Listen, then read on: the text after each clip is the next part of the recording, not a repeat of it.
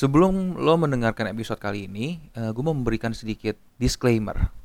Please take this discussion mindfully. Episode kali ini uh, berisi beberapa kata yang kurang baik dan akan ada beberapa pembahasan yang mungkin menyinggung atau membuat lo tidak nyaman. Tidak ada niat untuk melecehkan atau menyinggung kaum tertentu. Gua uh, dan narasumber hanya menyampaikan opini kami yang mungkin ada kesalahan juga di sana sini. Terima kasih pengertiannya. Selamat mendengarkan.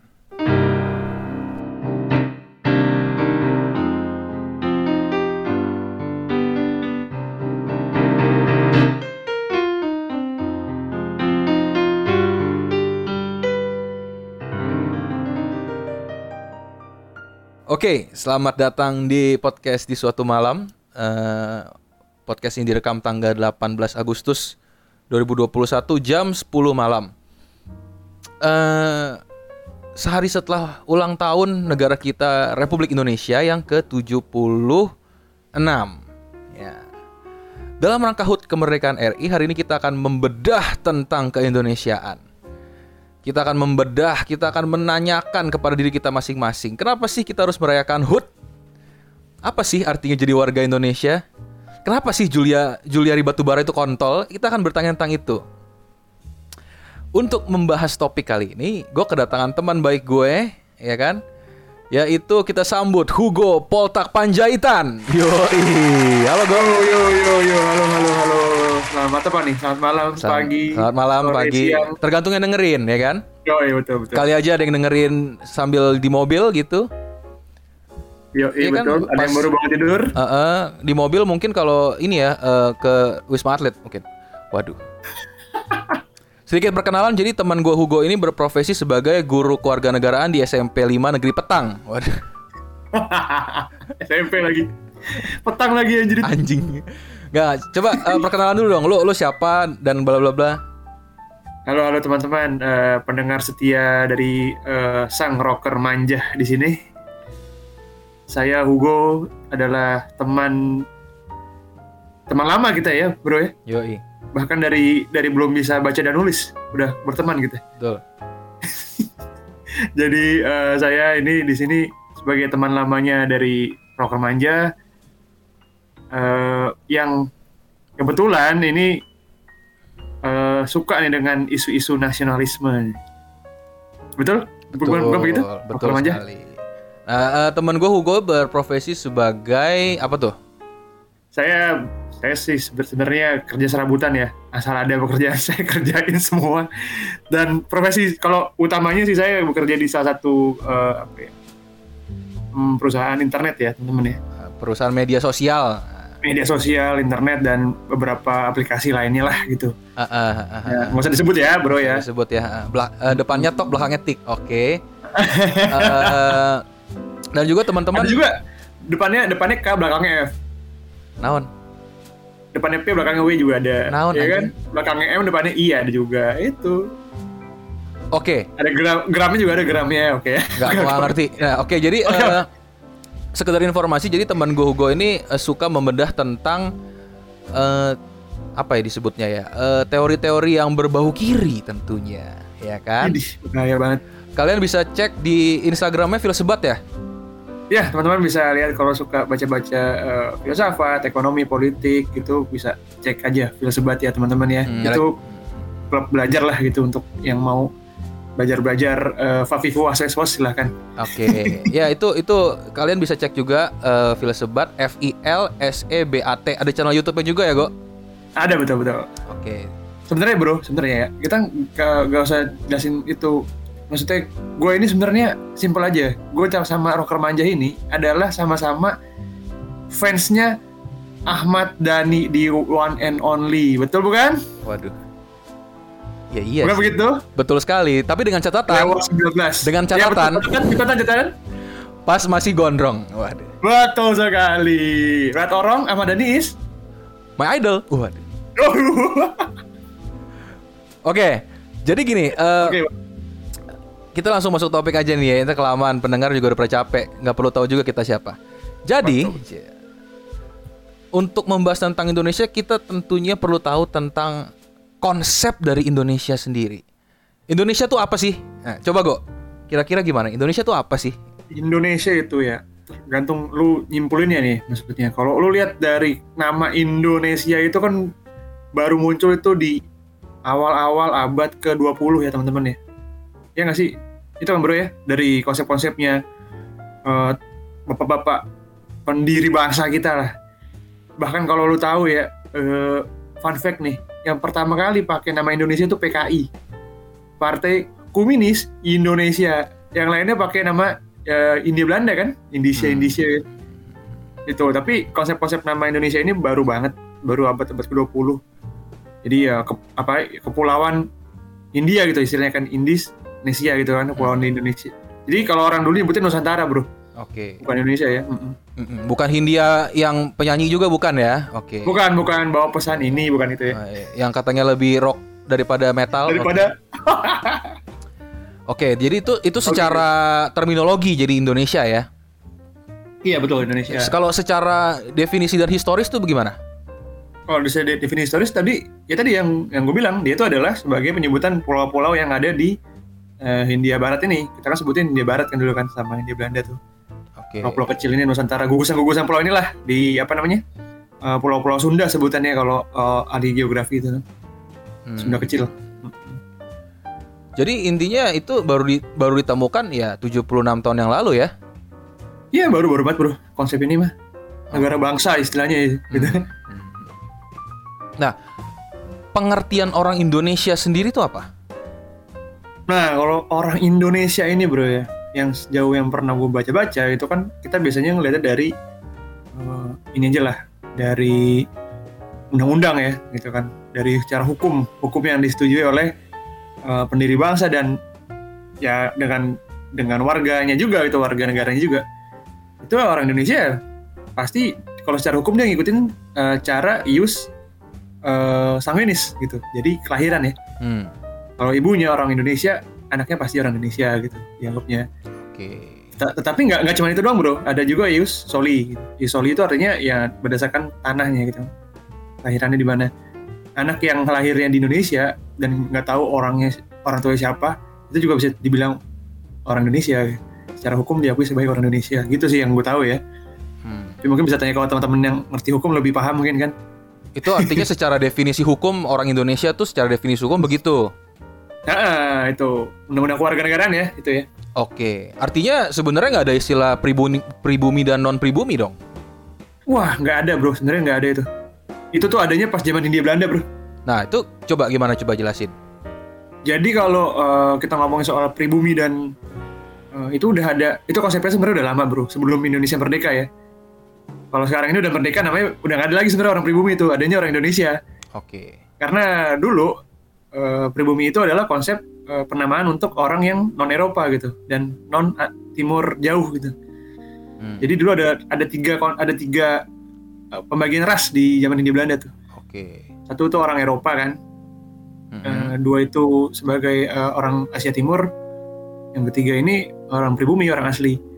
Nah itu itu ada kastanya bro, parah banget. Jadi paling atas tuh orang Eropa, yang tengah tuh orang Asia Timur, yang paling bawah orang pribumi gitu. Nah pengertian pribumi, pengertian pribumi di waktu itu konteks itu apa? Konteksnya adalah orang yang warna kulitnya itu warna kulit orang eh, sawo mateng gitu, bukan bukan eh, bukan termasuk orang eh, sorry orang Arab atau orang Cina gitu atau orang India. Karena orang Arab orang Cina India itu masuk ke eh, ras yang timur asing itu timur jauh gitu loh Eh, by, by the way ya, kenapa harus disebut sawo matang ya? Kan coklat banyak ya, ada ada ka- warna kayu gitu kan coklat gitu ya. ah bener juga ya Kenapa harus sawo gitu maksud gue? sawo ya Sawo kan bersisik maksud ngerti maksud gue kan? sawo mungkin karena sawo manis bro jadinya hitam manis Ya coklat juga manis. coklat asli agak manis ya bro Ya Pahit iya sih, ditambahin gula baru manis. Iya sih, bener juga. Cadbury baru manis Ya, buah nggak ada lagi yang warna coklat ya, sawo doang ya. apa ya tunggu tunggu oh salak Iya, kenapa nggak kenapa nggak salak matang? Kenapa harus sawo gitu? oh, iya ya tapi salak berduri bro Ya sawo, Iya kan halus, sawo, sawo. sawo kan bersisik sama aja. Sisik ya Sisik Bener bersisik. anjir. sih? itu bagus tuh kayak dikaji tuh dari mana Iya kan? asal usul Ken- kenapa harus sawo matang gitu Sawo maksud gue matang, ya. gitu. matang lagi kenapa nggak sawo karbit gitu matang di karbit gitu matang gitu Iya, kenapa harus matang gitu? Oke, jadi ya balik kembali lagi. Jadi maksudnya baik baik baik pengertian orang Indonesia kalau zaman sekarang artinya dari undang-undang itu kan udah jelas tuh secara hukum gitu ya. jelas betul betul Eh, orang yang lahir di Indonesia apa orang lahir di tanah Indonesia terus eh, orang tuanya ya kan orang Iya. tuanya lahir di sini terus apalagi tuh terus orang eh, anak yang eh, lahir di Indonesia meskipun orang tuanya nggak tahu siapa gitu tapi lahirnya di tanah kita gitu di di ujung genteng kek mau di Nusa Penida gitu tapi tapi nggak tahu orang tua siapa gitu kan Hmm. nah itu dianggap orang, orang Indonesia gue sambil buka Google nih ini ada kalian bisa cek di Undang-Undang Nomor 12 Tahun 2006 tentang Kewarganegaraan Republik Indonesia gitu ya. nah betul tuh exactly Gue gue gue malas bacanya ya udah lu googling sendiri aja. Tapi intinya adalah eh, ya pengertian orang Indonesia tuh ya itu gitu. Maksud gue ya orang yang punya KTP Indonesia ya orang Indonesia terlepas lu tanda labelingnya apa ya pribumi atau non pribumi gitu kan. Mm-mm. Dan gue tadi eh, baru nonton dokumenter yang bagus juga tuh dari CNN 8 menit. Jadi kayak ya intinya tuh kalau misalnya kita mau ngomong yang bener-bener eh, orang Indonesia tanda kutip murni, ya udah nggak ada sebenarnya. betul bro. Kita kan udah hidup ya maksudnya konsep Indonesia kan baru 76 tahun sedangkan negara orang-orang yang tinggal di sini kan udah beribu-ribu tahun gitu. Betul. Ya mungkin aja di antara gua nggak tahu ya, mungkin aja di antara teman-teman yang dulu tergabung dalam organisasi PFI punya darah Cina, iya who knows kan ya kan? Atau orang-orang Cina yang kerjaannya rasis sama orang Islam punya darah Arab, nggak ada yang tahu, iya ada yang tahu bro nggak ada yang tahu men. Itu loh maksudnya. Itu itu kalian bisa nonton. Jadi kayak nggak ada darah ya darah murni tuh apa nggak ada gitu. nggak ada bro Ya nggak ada yang asli bro Iya kan, ya mungkin kakeknya kakeknya kakek lo udah kawin sama siapa gitu kan, ya itu kan darahnya nyampur semua.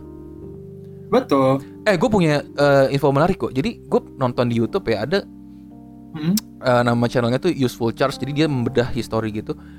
Orang Asia tuh rata-rata punya darah Genghis Khan men. Genghis kan Iya, di DNA-nya tuh rata-rata orang Asia tuh punya Gila. 0,0 berapa persennya tuh ada darah Deng- turunan Genghis Khan. Beneran gue? tunggu tunggu tunggu berarti kalau berarti kalau misalnya itu tiap orang tuh punya DNA-nya berarti itu dia tuh kita tuh satu satu bapak satu ibu berarti ya Ya sebenarnya kalau lu mau track lebih jauh lagi, kita kan sebagai spesies Homo sapiens semuanya dari Afrika. bet bet salah bro Hah? dari Nabi Adam Waduh. dari Adam dan Hawa lah Waduh. lu gimana sih lu Eh, Oh, oh iya Adam dan Hawa, bukan Adam dan Joni ya, bukan ya? Oke. Tapi bentar bentar dari Afrika dari Iya, kan? Afrika tuh yang paling paling eh, ini paling eh, relevan ya Iya, masih Homo sapiens dari keluar terus mereka bermigrasi ke mana-mana gitu kan? Homo erectus yang keluar pertama kali terus baru Homo sapien Ah, oh ya ini sebagai info teman gue si Hugo ini bisa ngomong bener karena dia ngerti tentang antropologi ya. Jadi ya ini Ya, cukup betul. cukup valid lah secara ilmu pengetahuan gitu.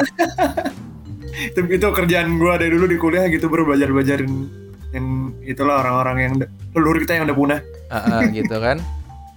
Jadi intinya kayak gitu ya. Jadi maksudnya gue di segmen pertama ini gue pengen ngomongin tentang konsep Indonesia dan pengertian orang Indonesia gitu. Karena kan se, Iya. se- apa ya sepenget ya kita sama-sama tahu lah maksud gue kan sekarang kan udah disperse banget gitu pandangan pada beda-beda orang-orang pada tolol gitu kan berantem sana sini gitu-gitu kan yang udah pada nggak jelas aja gitu hidupnya mau ngapain gitu.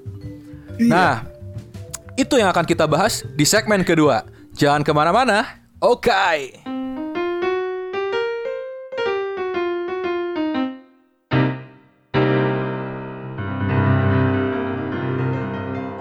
Oke, tadi kita udah ngomongin tentang konsep Indonesia dan definisi histori pengertian orang Indonesia tuh apa, bla bla bla. Itu kan dulu ya kita ngomong zaman dulu. Kita akan menarik ke zaman sekarang. Fenomena sehari-hari deh. Se-Indonesia apa sih kita tuh? Iya enggak? iya betul Menurut gua nih, Go, kita tuh orang Indonesia tuh orang Indonesia zaman sekarang ya tidak mencerminkan bahwa kita satu bangsa loh. Menurut gua. kenapa kenapa gitu bro menurut lu menurut lu Nih, kita ambil contoh tindakan sehari-hari yang simpel deh. Gua, gua tahu nih klise, tapi menurut Hmm. gua ya ini ya lu gak orang Indonesia gitu. Contoh nggak patuh hukum deh. nggak patuh hukum Contoh paling simpelnya nih, jalan satu arah, lu balik arah. Oke, terus ini eh, motor lu, mobil lu berhenti di garis zebra cross misalnya. Ya. Oke, oke. Iya, iya juga sih ya. Gini, maksud gua gini kok. Kita kan sebagai orang Nah. Indonesia kan selalu dibilangnya orang Indonesia tuh sopan, santun, Hmm. apa beretika baik. Ya kalau misalnya lu dengan lu misalnya lu ngelanggar zebra cross kan lu melanggar hak orang gitu maksud gua. Betul. Lo balik arah di jalan satu arah kan lo membahayakan orang lain maksud gua apakah itu contoh santun gitu? Enggak sih bro, menurut gua. Ya kan? ini ini gua ngomong contoh simpel ya, ini contoh simpel aja gitu Iya, simpel banget, simpel banget itu. Atau kayak sekarang deh, kebanyakan eh lo kan eh, kerjanya kan di media sosial yang yang ono kan. Iya. Hmm. Lo kan tahu gimana kita sekarang tuh orang-orang saling gak menghargai satu sama lain gitu. Di, ya kan beda Itu maksudnya beda berpendapat eh tuh berantem gitu. Betul betul. Pertama itu sih bro yang mau gua mau gua highlight sebenarnya itu. Jadi kita ini ngaku-ngaku kalau budaya kita tuh budaya di luhung gitu ya, budaya yang Hmm, hmm. wah paling man, bagus lah sedunia lah gitu kan. Tapi satu hal yang dilupakan sama sih, nggak bisa menghargai pendapat orang. Betul. Ya nggak sih? Dia mau lu lu tuh maunya ngomong tapi nggak nggak mau mendengarkan gitu kadang-kadang. Jadi ya susah kok gitu bro.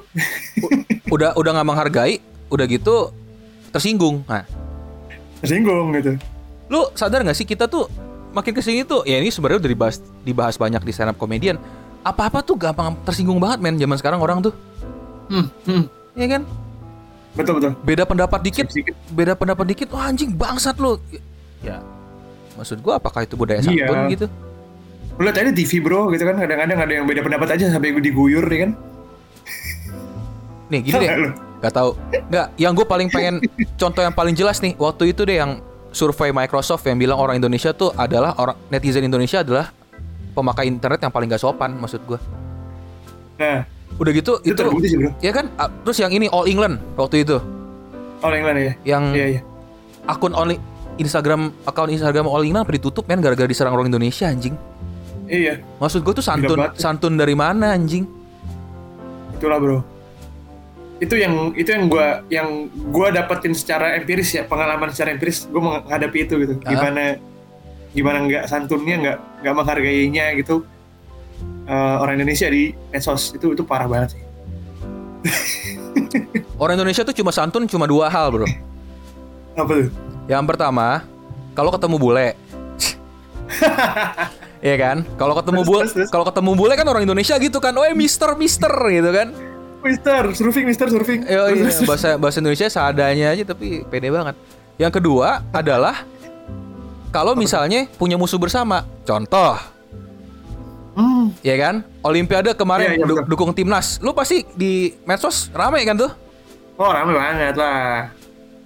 Udah pasti dukung eh, ini semua. Uh, mau bulu tangkis kan apalagi kan? Yoi. Ayo Indonesia, kalau timnas main tuh, ayo Indonesia, ayo Indonesia, ya kan? Indonesia. Aduh, Lihat lihat Iko Uwais main film Hollywood, ayo Indonesia keren. Indonesia. Jota Slim main film Mortal Kombat. Ayo Indonesia. Iya kan? Nah, jadi kayak intinya tuh Nah, itu sebenarnya kejauhan sih, tapi yang mau gua ngomongin adalah kita tuh butuh orang Indonesia tuh supaya bersatu selain santun ya, selain untuk bersatu tuh Iya. butuh musuh bersama menurut gua. Contoh paling simpel. Waktu kita kuliah, Pak, kan suka ada tuh yang ganyang Malaysia, inget gak sih lu? Iya inget gue. Iya kan? Iya. Ya kan lu mau perang sama Malaysia mau ngapain sih? Maksud gua Tim itu aja kalau misalnya timnas lawan Malaysia kan suka disebut kan bro. Ganyang Malaysia, ganyang Malaysia kan ya nggak sih? Eh nyet, waktu gua nonton terakhir tuh timnas timnas lawan Malaysia di GBK. Tiger Cup. Hah? Apa? Tiger Tiger Cup apa apa? AFC ya? Kualifikasi World Cup apa? Eh kok nggak salah ya? Gue lupa Oh. juga sih. Itu rusuh men, Oke. rusuh men. Rusuhnya ke Malaysia. Rusuhnya ke Malaysia itu sampai itu sampai jam 11 malam ya. Yang penonton Malaysia tuh nggak boleh keluar GBK sama polisi, takut diserang. Anjir. Ini beneran nih gue cerita. itu kan pas pas menit ke berapa tuh ya? Menit ke 80 Indonesia udah Hah? Skornya tertinggal, rusuh anjing orang penontonnya sampai masuk-masuk lapangan norak banget anjing. Oh kalah ya? Kalah, ya? kalah, kalah, terakhir kalah. Anjir. Irfan Bahdim udah siap-siap pemanasan nggak jadi tuh. Itu tahun berapa bro? Sebelum 2019 pas sebelum corona. Oh baru banget tuh ya? Baru. Terakhir lawan Oh. Malaysia ya itu, Itu ya? yang di kandang ya. 2019 baru loh, Bu. Tapi masih masih kayak gitu ya? Ya gue nonton sama anak-anak masih Epan gue nonton. Ah, oke.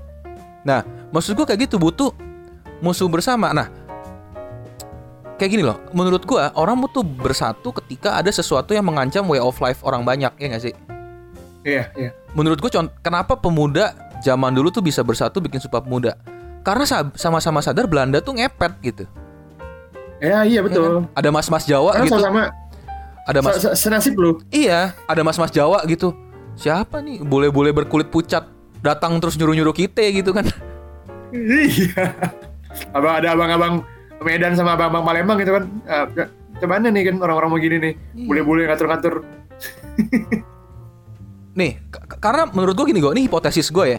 Kalau misalnya nggak ada Belanda, eh, orang pribumi Indonesia tuh, ya bukan pribumi ya, ya saat itu kan pribumi ya. Maksudnya orang-orang asli Indonesia hidupnya enak-enak aja. Mungkin menurut gue sekarang tuh adanya negaranya per pulau geografis, negara Kalimantan, negara Jawa, ya nggak? Ya itu, RIS kan. In- Indonesia Serikat. Atau eh, sistem kerajaan yang paling kuat bertahan, misalnya eh, Oh iya benar. Iya kan kayak misalnya turunannya Majapahit gitu misalnya nggak diserang Belanda ya mungkin mereka Oh. akan tetap jadi kerajaan gitu. Mataram gitu kan. Iya. Terus Sriwijaya, terus kerajaan apa tuh yang di Pontianak tuh? Sultanan apa? Kadriah gitu. gitu, Iya, iya, iya. Menurut lu bener apa nggak? Benar, gue setuju. Nggak ada persatuan ya, jadi ya pecah-pecah sendiri-sendiri gitu. Karena kalau kalau sekarang tuh menurut gua di masa kayak sekarang musuh bersamanya kan nggak ada gitu siapa? Hmm. Jadi ya orang ya berantem aja samanya. Apalagi ah, kita kan asasnya kan juga apa ya eh, bebas aktif kan. Lu nggak bisa punya ke siapa-siapa, nggak bisa. Ya kan, negara Iya, kita bebas iya, aktif kan. Iya bener-bener. Nggak punya musuh lu. Oh mungkin itu go karena nggak ada musuh musuhnya dicari-cari Nah itulah. berantem di medsos. Dibikinlah konsep-konsep kadrun, cebong, Ah, apalah itu. iya. Aduh, oh, bro, gue pusing baca itu. Lu tahu nggak intinya apa? Apa? Orang Indonesia tuh emang suka rusuh. kita tuh bukan sopan, kita tuh suka rusuh anjing. Suka aja rusuh ya. Iya. Hobinya rusuh emang. Nih, gue ambil contoh misalnya balik lagi olahraga deh. Coba kalau nggak ada musuh bersama nih ya. Hmm. Kalau timnas atau atlet kita menang badminton, bersatu kan negara kan. Iya. Yang kayak tadi tuh oh Indonesia hebat bla bla bla. Atlet badminton keturunan Cina menang olimpiade. Indo wah, bangga bangga Minions tuh ya kan. Yo, Susanti, Alan Budi Kusuma, Nah, iya. Oh. Minions tuh yang kemarin dia belum olimpiade sih, tapi kan dia olimpiade segala macam. Hmm. Itu menurut gua nih ya. Gua ngeliat dari teman-teman gue yang Chinese ya. Hmm. terus ngeliat fenomena kalau jadi orang keturunan Tionghoa ya, itu juga aneh sebenarnya Cina ya Chinese Cina Tionghoa sama aja semua Ketu- keturunan Indonesia di keturunan Tionghoa di Indonesia tuh menurut gue tuh cuma boleh jadi enam profesi kok Apa aja tuh? Kok 6 doang, Bro? enam doang Kok sih banyak anjir. nih atlet badminton ya kan Oke, oke, oke. Itu banyak lah ya, itu banyak. Oke. terus? itu enam profesi yang diterima nih salah satunya kan atlet badminton ya, terus? yang kedua pedagang atau buka toko Oh iya, itu banyak. tapi Oke, dengan oke. syarat dengan syarat nggak boleh kaya kaya banget Iya nggak? kalau kaya disirikin ya. Iya harus biasa aja. Kalau nggak dipalakin kalau kaya lu. Yo Yang ketiga nih, yang ketiga buka restoran Chinese food atau bakmi, ya, itu mah banyak banget anjir. ya kan? Ya terus terus. Yang keempat, jadi ahli baca show atau feng shui. Kayak Suhuyo gitu, nah itu bisa diterima tuh sama orang tuh. Buat buat orang mau bangun rumah bagusnya di mana gitu ya. Ah. Ya gitu ya, di Tribuna tuh. Terus Tusuk terus. tusuk sate nih nggak boleh nih. Waduh. Sakti nggak boleh nih. Yang kelima, yang kelima, jadi tabib obat Cina dan pengobatan alternatif. Anjir bener urut pijit-pijit gitu ya. Yo Hmm, bener anjir, bener-bener. Dan lu tahu yang terakhir, Terakhir apa nih? mualaf terus jadi ustad. Ah mampus. gue tahu orangnya, gak usah disebut lah ya. Yo Eh, lu tuh ini ya, di luar enam itu coba Cina bangsat, Cina antek, antek aseng PKI, ya kan? Iya bener, gue baca sendiri itu komen-komen kayak gitu. Gila Ada, banget. sih. sebenarnya ada satu lagi sih, se- selebrit, seleb, selebriti atau selebgram, tapi ya, ya berapa persen? Oh, iya. Berapa Eh, persen? iya sih bro. Selebgram gitu kan ada sih gue lihat tapi Tap- dikit ya Tapi dikit maksud gua tetap kalah sama yang sama yang pribumi juga gitu. Iya kan? Tapi intinya 6 itu ya menurut gua 6 itu paling diterima lah. Iya kan? iya Nah, ini yang maksud gua. Tadi tadi gua udah singgung juga kan kita butuh musuh bersama tapi musuhnya nggak ada. Makanya kan jadi ujung-ujungnya jadi cari musuh sendiri salah satunya adalah ras, ya kan? iya Gue punya gue punya pengalaman. Waktu gua kuliah tuh gue sempet Hmm. eh, kuliah lapangan gitu ya mendatangi bangunan Iya. untuk dipelajari. Kita datang ke gedung DPR MPR. wah pusatnya pemerintahan Indonesia itu Yoi, jadi pas gua masuk gedung DPR MPR tuh gue ngeliat kayak oh ini nih eh yang didudukin sama senior senior gua untuk gulingin Soeharto. Waduh, Wih deh, heroik banget ya. waduh. eh, gue masuk sampai gedung sidang paripur eh, ruang ged- sidang paripurna men. Iya, oh yang gede itu. Iya, gue masuk situ. Yang tapi ada rapat nggak? Nggak ada ya?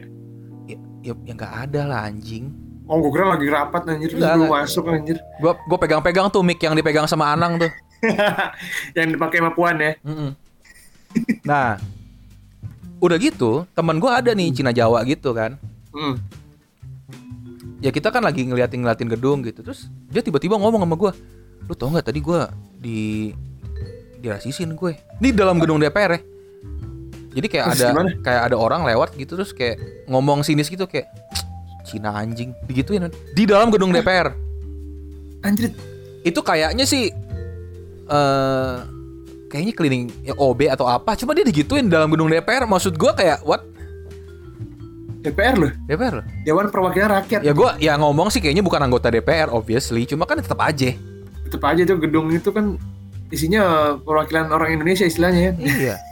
Nah, lu juga kemarin cerita sama gua kan soal eh, menteri sosial kita yang mantul sekali itu. Oke, Itu kan X ya, X Menteri Sosial ya. rasisnya parah kan coba lu cerita deh. Lu berbagi sama teman-teman. Iya, jadi eh si ini ya, si sebut nama gak sih? Sebut aja lah ya. Sebut aja semua orang udah tahu. Juliari Kontol ini satu nih. Nah, ini kan eh, ini apa maksudnya? Dia ini orang eh, sorry ya, eh, keturunan Batak lah berarti ya. Orang Tapanuli lah, kebetulan Tapanuli. Namanya Batu Bara kan. Dan Kristen.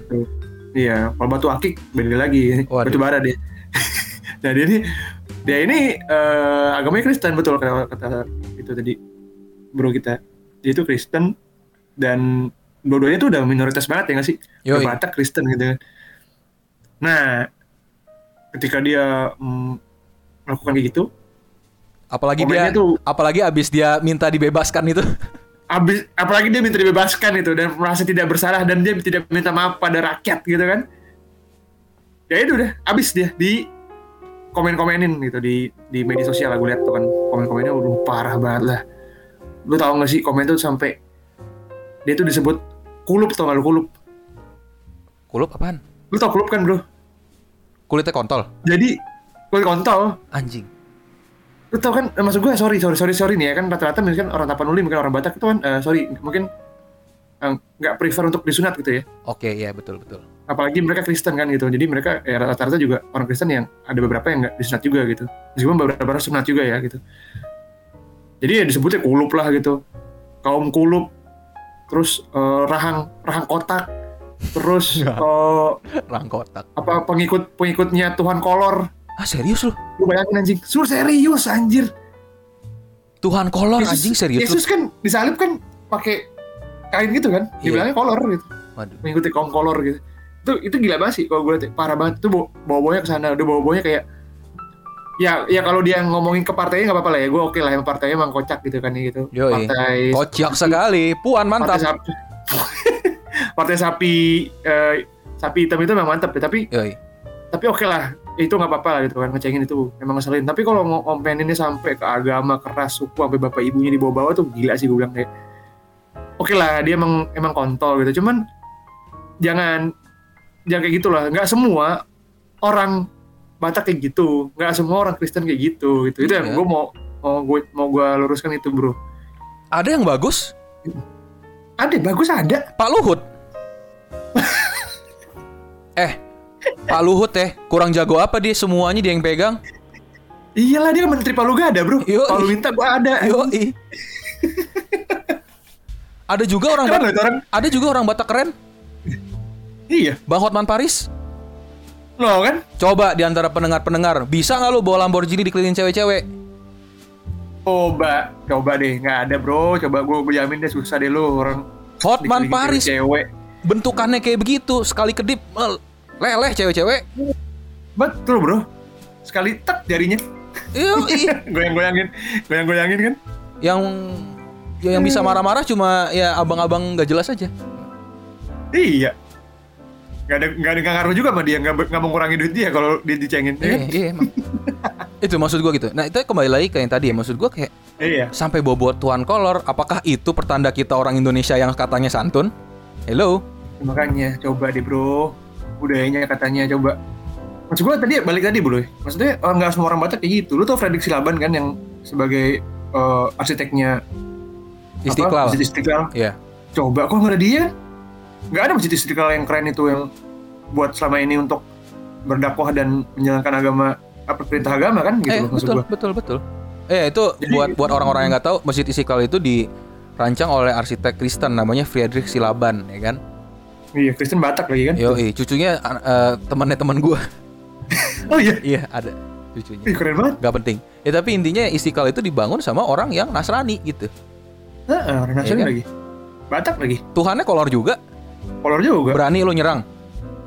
Heeh, Iya kulub nggak? juga kali kulub. Iya, mungkin di kulub juga berani lo nyerang. Ah, iya. Heeh. Ngomong apa lu? Kita juga bisa ngelihat kan ya maksudnya nih ya gue kasih tahu nih sama para pendengar ya kali aja lu bego-bego gitu. Kalian tuh bisa kalian tuh sekarang bisa hidup enak ya. Duduk atau tiduran sambil main HP. Itu tuh kalian tuh berdiri di atas darah para pejuang lo semua yang belum tentu orang Islam men. Betul. Patimura lo kira Islam, Enggak lo, ya kan? ya kan? Terus ini eh, eh Iya. Yosudar bukan Yosudarso siapa sih yang yang tenggelam di laut Arafuru tuh? Ini eh, apa? Yang kapalnya ini ya, aduh, Laut Aru apa? Aduh gue cari di Google deh. Laut Aru. Eh, ini siapa? Gue lupa gue. Eh, dari macan tutul itu kan? Eh bener Yosudarso. Ya sudah so ya? Eh bener. Macan tutul kan? Iya. Ya sudah so ya? Nah, Udah gitu nih asal kalian tahu Iya, ya. Komodor Sudarso. Kalian tuh juga asal kalian tahu. Orang Cina, orang Arab itu juga pada banyak yang ikut berjuang di tahun 45. Iya bro. Gak cuma Itu kaki. gak cuma orang Islam dan apa? Ya suku kalian doang gitu maksud gue. Iya, Kakeknya Hugo kan eh dapat veteran. iya. Pakai gue di makam di uh, makam pahlawan, dia dapat bintang gerilya bro. Manado kan? Pakai gue kebetulan dia orang Jawa bro. Oh Jawa. Hmm. Tapi dia kan pindah, eh, dia masuk eh, masuk Kristen jadinya kan. Oh, Ikut iya, iya. Oma gue, oma gue yang Manado kan. Oh iya benar benar benar benar benar. Kakek- Gak usah jauh-jauh bro. Kakeknya gubernur kita, Abdurrahman Baswedan. Kenapa doi? Pejuang bro, Oh iya, iya benar. pejuang Benar. pejuang kemerdekaan anjir. Makanya. Jadi Iya. lu jangan ngeliat-ngeliat cuma dari rasnya doang lu. Iya. Apalah wanabut, wanabut. Anies bilang wanabut gitu. Walaupun memang dia banyak lucunya. Iya. Tapi lu jangan lihat jangan lihat dia karena rasnya, Bro. Iya. Lihat sebagai sebagai individunya gitu yang ngeselin. Kerjaannya bagus apa enggak gitu. Mm-mm. Ahok gitu lu ceng-cengin lah apa segala macam komunis segala macam. Iya. Satu satu pulau sama Edit gitu kan. Apa hubungannya Yusril juga anjir? Yusril sama Oh iya bener ya, iya, iya Yusril orang Bangka juga. ya. Satu kampung anjir sama Edit. Nah, itu dia menurut gua nah. Kenapa sih isu ras ini apakah sekarang jadi maksudnya gini, isu ras ini kan emang selalu kan dimainkan oleh politik gitu. Cuma dalam kehidupan sehari-harinya tuh kenapa sih itu bisa muncul apakah karena stereotype misalnya? Hmm. Menurut lo?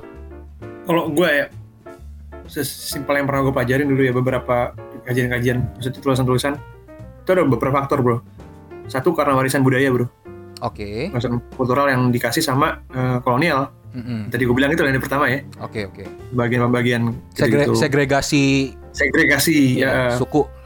suku bangsa ras gitu nah kedua itu eh, karena ekonomi politik itu kepentingan tadi balik lagi tadi kan ekonomi politik kepentingan Ntar kita bahas lebih jauh lagi tuh ya. Ya, ketiga karena eh, faktor gap. Eh, tadi ekonomi. Oke, itu juga kita nanti bahas itu juga tiga paling sih. mm-mm. Kalau yang gue tahu itu ya, yang gue bisa simpulin ya rata-rata kayak gitu. Tapi eh, kita nggak bisa nggak bisa narik itu semua jadi satu gejala yang sama nggak bisa jadi mungkin di beberapa daerah mungkin eh, yang faktor pertama lebih lebih dominan di daerah lain faktor kedua lebih dominan yang lain beda-beda lagi gitu bro Gini kok, masalahnya rasisme itu kan oke, itu kita tadi ngomong secara historis dan penye- dan maksudnya penyebab gitu ya. Tapi dalam Hmm. kehidupan sehari-hari kita, kita kan sering mengenal tentang stereotip misalnya kayak tadi orang Batak rahangnya kotak, kerjaannya kalau nggak copet lawyer, ya ya kan? Cewek-cewek Sunda matre, orang-orang Betawi males cuma bisa, Matre. cuma bisa jual tanah. Manado menang nampang doang Yoi, orang Madura kerjaannya cuma tukang jual beli besi. iya Ambon Kan? Parlente Ambon perlente sama debt kolektor. Orang Papua doyan mabok, matanya nyala gitu kan. mabok matanya nyala anjir Orang Cina kalau nggak pelit jago dagang, pakai crocs sama kalung rantai emas gitu kan.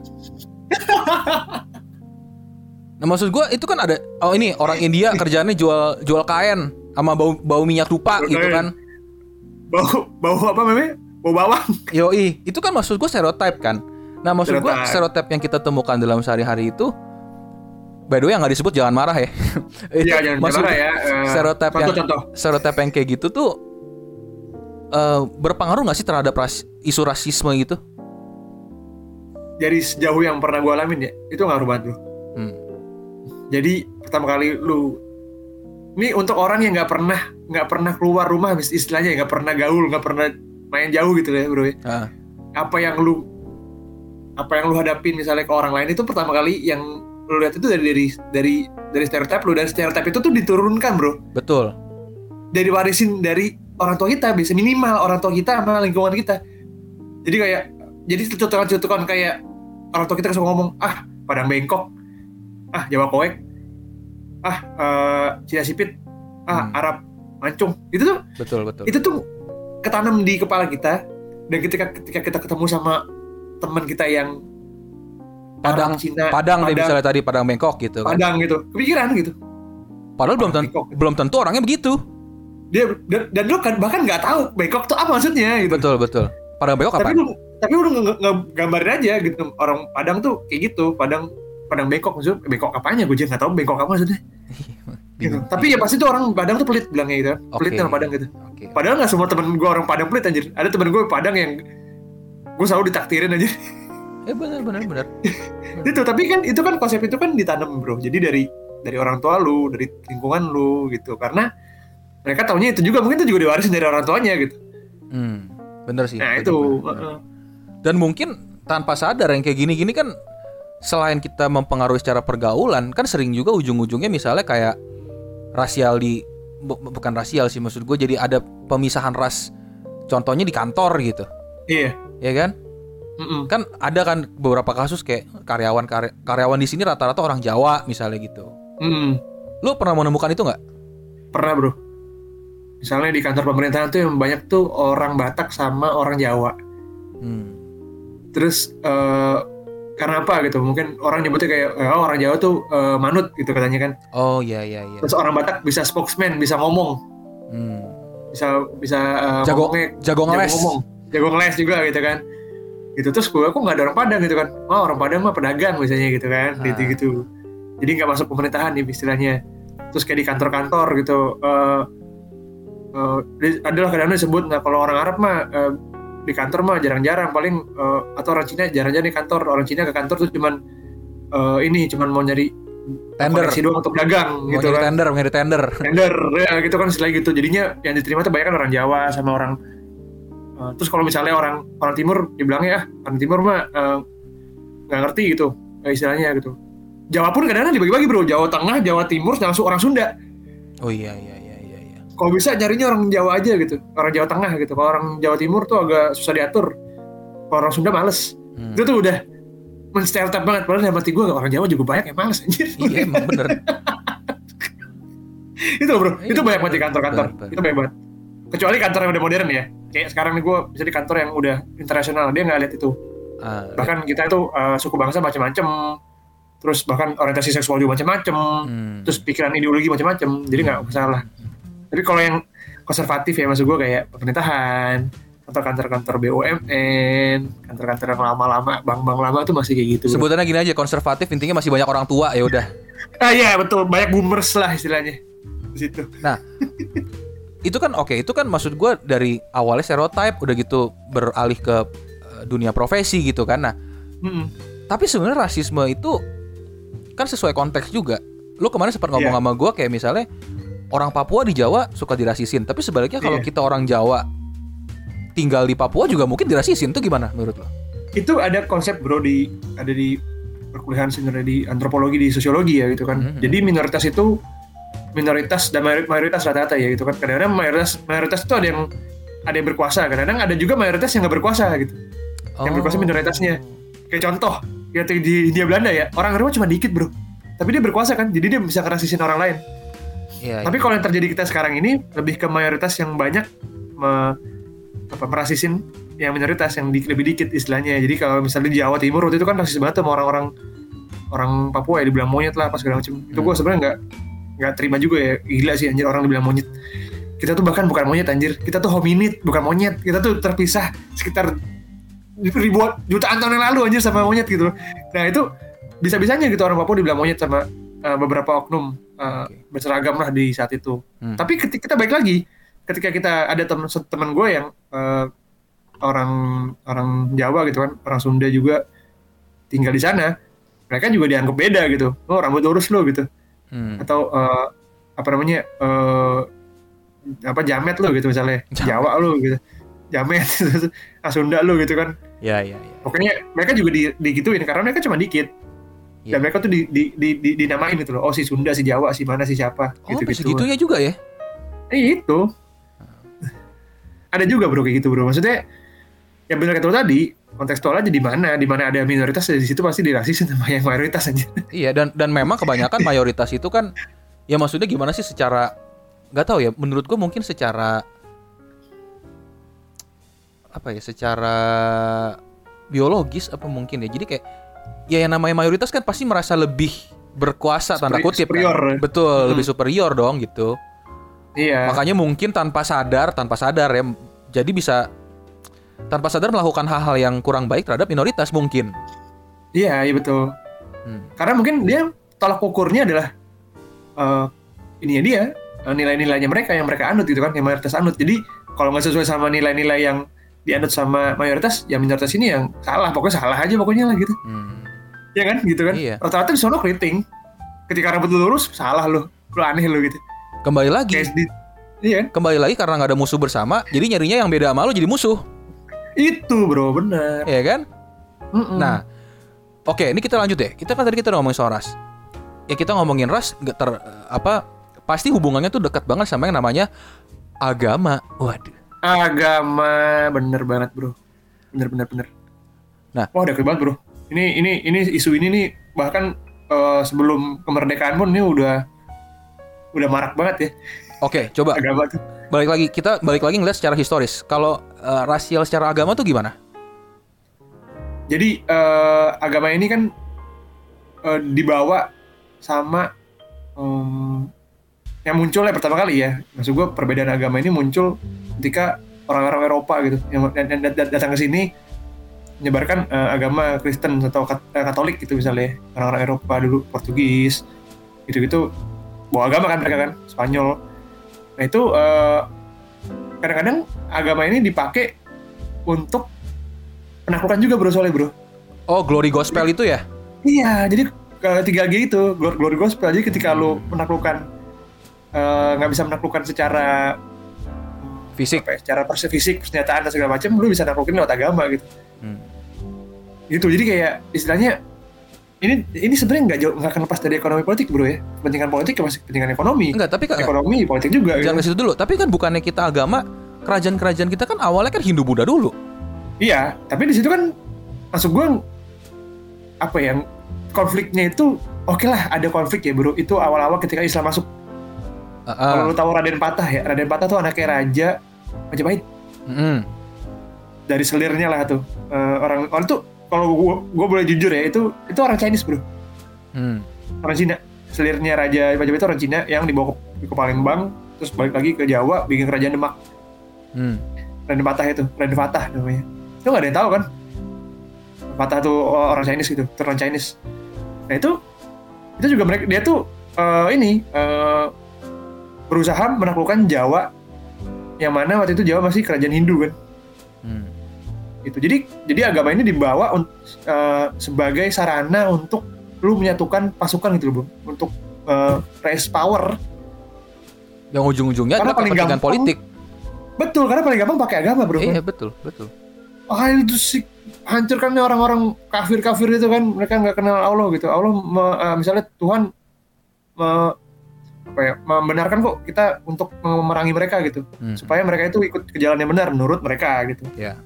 Nah gitu gitu itu itu udah ada sebenarnya. Cuman karena rekor apa ya catatan catatan masuknya orang Hindu agama Hindu Buddha itu eh, masih dikit ya. Dan banyak teorinya ya bro. Kan ada teori banyak tuh dari dari pedagang dari eh, apa pemuka agama bahkan mungkin dari tentara juga. Kita kan banyak teorinya. Belum pasti bro. Belum pasti. Jadinya kita nggak bisa lihat ke sana. Paling ya kalau Hindu Buddha itu karena cocok banget bro sama ini sama eh, bentuk masyarakat kita sebelum masuknya Hindu Buddha Hindu Buddha tau lu jadi Oh. di tempat kita itu eh, petani-petaninya tuh eh, sebelum masuknya agama-agama itu tuh mereka tuh ada ini bro ada Animisme. ya gimana sih ya animisme dinamisme ya gitu kan animisme tuh ibaratnya menyembah benda-benda yang em, benda-benda fisik material yang Dianggap memiliki- suci. suci ya punya roh segala macam percaya roh-roh gitulah roh-roh segala macam lah Betul. itu kayak Semar Punoka Punokawan itu kan juga itu kan eh, apa ya deitis betul Dewa, dewa. dewa dewa sebelum sebelum ma- masuk ke Hindu Buddha mereka udah Iya. ada duluan itu Sang Hyang Widi itu udah ada duluan Dewa-dewa Nah, terus- lokal. Yoi. dewa lokal nah itu itu tuh buktinya bro salah satu buktinya kan jadi cocok sama eh, bentuk eh, eh, iklim di Indonesia Hindu Ah. masuk tuh karena apa lu tau nggak bro karena itu masyarakat agraris ya masyarakat agraris itu petani-petani gitu kan petani-petani petani kecil yang eh, yang hidupnya di misal contoh di Pulau Jawa tuh kepisah-pisah tuh jauh-jauh tuh satu Betul. di Karawang satu di eh, apa di Semarang gitu gitu kan Perlu diingat zaman dulu kan belum ada jalan tol ya, Bo. belum ada jalan tol ya masih jauh-jauh gitu ya Iya. Nah, nah di di pulau-pulau itu tuh ada ada pasti ada ya bro orang-orang yang keluar dari relasi keluarga gitu, relasi kekeluargaan eh, pertanian itu. Eh, orang-orang itu jadi bandit. Nah bandit-bandit ini kan nggak punya sawah nggak punya apa-apa kerja cuma malak doang ke petani-petani itu. Heeh. Kayak, lu kasih gua nggak lu eh, hasil panen lu kok nggak gua hancurin desa lu, gua bunuh-bunuhin Ah. gitu kan. Heeh. Kasihlah hasil hasil panen itu dikasih. Nah pas Hindu masuk cocok nih bro. Karena Hindu tuh ada kasta. Ah. Dia nggak luar kasta kan? Iya, iya, iya, iya. iya. Sudra, Wah Satria. iya, Sudra Satria, Brahmana gitu kan. Wah kayaknya pas banget nih kata-kata bandit-bandit ini kan. Kayak kita bisa masuk jadi kesatria nih kalau kita eh, pakai agama Hindu kan. Karena ada legitimasi Ah. gitu loh. Untuk membenarkan bahwa petani itu di bawah kita, jadi lu harus ngasih ke kita gitu. Ngerti gak sih lu? Kayak gitu. Cocok bro sama iklimnya di sini. Makanya Hindu Buddha berkembang pesat gitu. Entah masuknya dari mana ya. Tapi berkembang pesat karena itu. Eh, tapi itu menarik soalnya gini. eh Sriwijaya itu kan armadanya dulu sangat kuat kan. Wah itu gila banget bro. Nah. Sriwijaya. Teman-teman gue, teman gue yang orang Palembang dia bilang, lu tahu nggak sebenarnya Sriwijaya tuh kenapa armada bisa kuat? Isinya bajak laut nyet. Iya betul. Makanya gue bilang bandit-bandit kan. Bajak laut bandit. Iya. Jangan-jangan ada Jack Sparrow anjing deh. Sebenarnya jajan situ ya. Tereret, ter- tereret, ter- tereret, ter- tereret. Woi, keren banget anjing. Sangar kia. Eh, anjir. Kan tuh nguasain Malaka bro mereka tuh gila banget anjir. Iya. Nah, Rute perdagangan gila. intinya kan kita udah melihat bahwa ya maksudnya agama itu emang dari dulu kan ya iber ini lu tahu legenda ini gak sih Prabu Kian Santang? Tahu tahu. Prabu Kian Santang kan jadi Islam makanya si eh, Prabu Siliwanginya kan mengasingkan diri ingat gak lo? Iya. Yang makanya sampai Katanya dia jadi maung. iya sampai jadi maung bukan maungnya biskuat ya. Oke. Ya, tapi maksud gua kan itu itu kan juga di antara itu artinya ya itu keluarga ayah anak aja juga bisa pecah karena agama yang ujungnya politik juga sebenarnya gitu loh. Iya, memperebutkan tahta kan? Heeh, merebutkan trah. Nah, masalahnya hal itu kan masih kejadian di zaman sekarang kan. Kita sama-sama tahu deh. Zaman sekarang ibadah izinnya susah. Ya ibadah minoritas mau Iya. ibadah susah.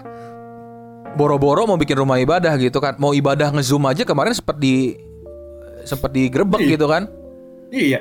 Pemakaman deh. Salib dipotong ya kan. gitu alik banget. Nih nih nih, lu bayangin nih, dia gue tuh mencoba berpikir mundur. Ini orang tuh mau potong salib, lu bayangin dia niat banget lo bawa gergaji dari rumah. Niat banget, Bro. Niat banget anjir. Kayak mana nih yang mana nih yang bentuknya salib, kita potong aja krak krok krak krok krak krok itu niat banget gitu. Udah gitu kayak kemarin pema- pemakaman Covid yang non Islam di charge tinggi sampai berjuta-juta. Iya, Iya kan maksud gue kayak wah lu gila sih lu orang mati aja masih lurusin gitu. Iya, ya lu kira yang Kristen tuh kaya-kaya semua anjir. Oke lah, amin lah gitu ya. Tapi emang semua orang yang Kristen kaya anjir. Iya. Gila lu. udah gitu kayak lu balik lagi gitu kayak gitu isu rasial kita sekarang kayak kafir kafirin orang doain orang masuk neraka tuh kan gampang banget gitu kan Iya, melaknat gitu kan. Oh, Iya. gila banget. maksud gue poinnya gini. Oke lah kita sama-sama tahu bahwa pertentangan antar agama ini kan selalu ada. Makanya kan ada teori clash of civilization kan? Iya, iya. gue belum baca sih tapi itu kayaknya keren. Maksudnya selalu selalu ada gitu. Permasalahannya adalah ini kita mau kayak gini sampai kapan gitu? Pancasila juga toh juga pancasilanya ada tapi toh nggak bisa menyelesaikan masalah ini juga gitu kan? Nah, udah gitu gue juga bete ngeliat orang-orang yang membela agama di atas nasionalisme gitu. Dikit-dikit ajak perang dikit-dikit ajak perang. Itu ada sih. Sekarang. gue kema gue jadi teringat gue nonton videonya Karni Ilyas wawancara Hendro Priyono. Dia bilang ini kita begini terus lama-lama beneran civil war loh. Itu bisa sih, Bro. iya kan? Lu mau lu Bener, kayak lu mau kayak Syria Yemen tuh hancur gara-gara civil war gitu. Iya, dan, dan orang tuh segampang itu untuk dikit-dikit perang perang eh Iya. anjing si perang saudara tuh nggak keren kayak Iron Man Captain Amerika anjing Iya, anjir. Gak ada Civil yang- War. gak ada yang menang kalau perang saudara Gak ada. Lihat Amerika tuh gimana tuh. Civil War nih. ya even kalau kita mau ngomong sekarang yang lagi rame Taliban Taliban tuh coba. lu mau negara lu kayak gitu di mana-mana hancur apa segala macem nah maksud gua gini gua maksud gua agama ini kan ya maksud gua akan selalu menjadi apa ya Momok-momok. momok dan ujung tanduk untuk eh, kekuasaan politik whatever itulah gitu ya Hmm. Nah, ini yang ini yang makanya menjadi gue tuh miris karena orang-orang tuh sekarang tuh semuanya rusuh tentang agama, orang-orang rusuh tentang tadi ras tadi. Padahal tidak menyadari bahwa semuanya itu terkait baik secara fisik ataupun secara budaya. Ya, bener nggak? Ya, benar-benar. Gue nganggapnya gini. Jam secara gen aja tadi kan gue udah bilang di awal kan. Secara Hmm. DNA aja kita semua tuh sebenarnya ada koneksinya gitu. Itu Iya, secara itu. DNA ya. Mm-mm. Kalau mau ngomong secara saintifik, itu bukan saintifik sih, secara law of attraction gitu kan, ya kita semua tuh punya atom yang sama. Ya kita terlahir dari galaksi, bla bla bla gitu. Nah, Mm-mm. anjing jadi berat. Lama-lama gue jadi tung desem anjing kerjanya motivasi. Nggak, tapi maksud gue, Oke, oke. nih, apalagi zaman sekarang semua orang kan terkoneksi dengan adanya perdagangan pelayaran ya kan. Jam- Iya. Zaman dulu oke lah orang terkoneksi perdagangan pelayaran. Sekarang ada internet gitu. Mm-mm. Orang jualan customer lu bisa aja Cina, bisa aja Padang, bisa aja Batak gitu kan. Iya.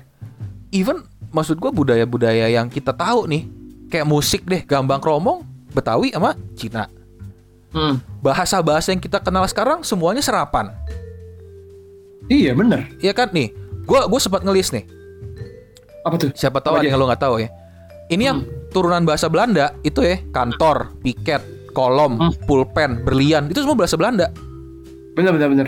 bahasa Cina tahu bihun beca itu semua bahasa Cina men atau Hokkien Oh iya, benar ya. iya terus eh, kecoa lonceng itu bahasa Cina Mm-mm. Bahasa Arab apa?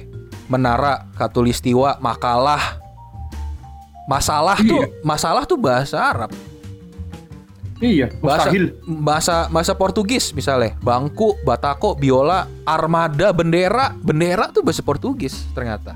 Jendela juga jendela. Jendela, kartu itu bahasa Portugis. Sepatu, sepatu. Bahasa Sanskerta. Angkasa, anugerah, asmara, bendahara itu semua Oh, Sanskerta, ya kan? Mm-mm. Itu ngomong bahasa doang, belum makanan. Ya, iya benar juga. Lu tahu nggak bakso sama bakpao itu dari Cina? Tahu gue tahu, pernah tahu. Bakmi. Bak, bak tuh artinya kan daging babi. Pau, Babi. pau tuh roti. Jadi ya sebenarnya tuh Heeh. roti yang isinya daging babi gitu. Babi. Sekarang kacang hijau isinya. Nah, semur dari bahasa Belanda.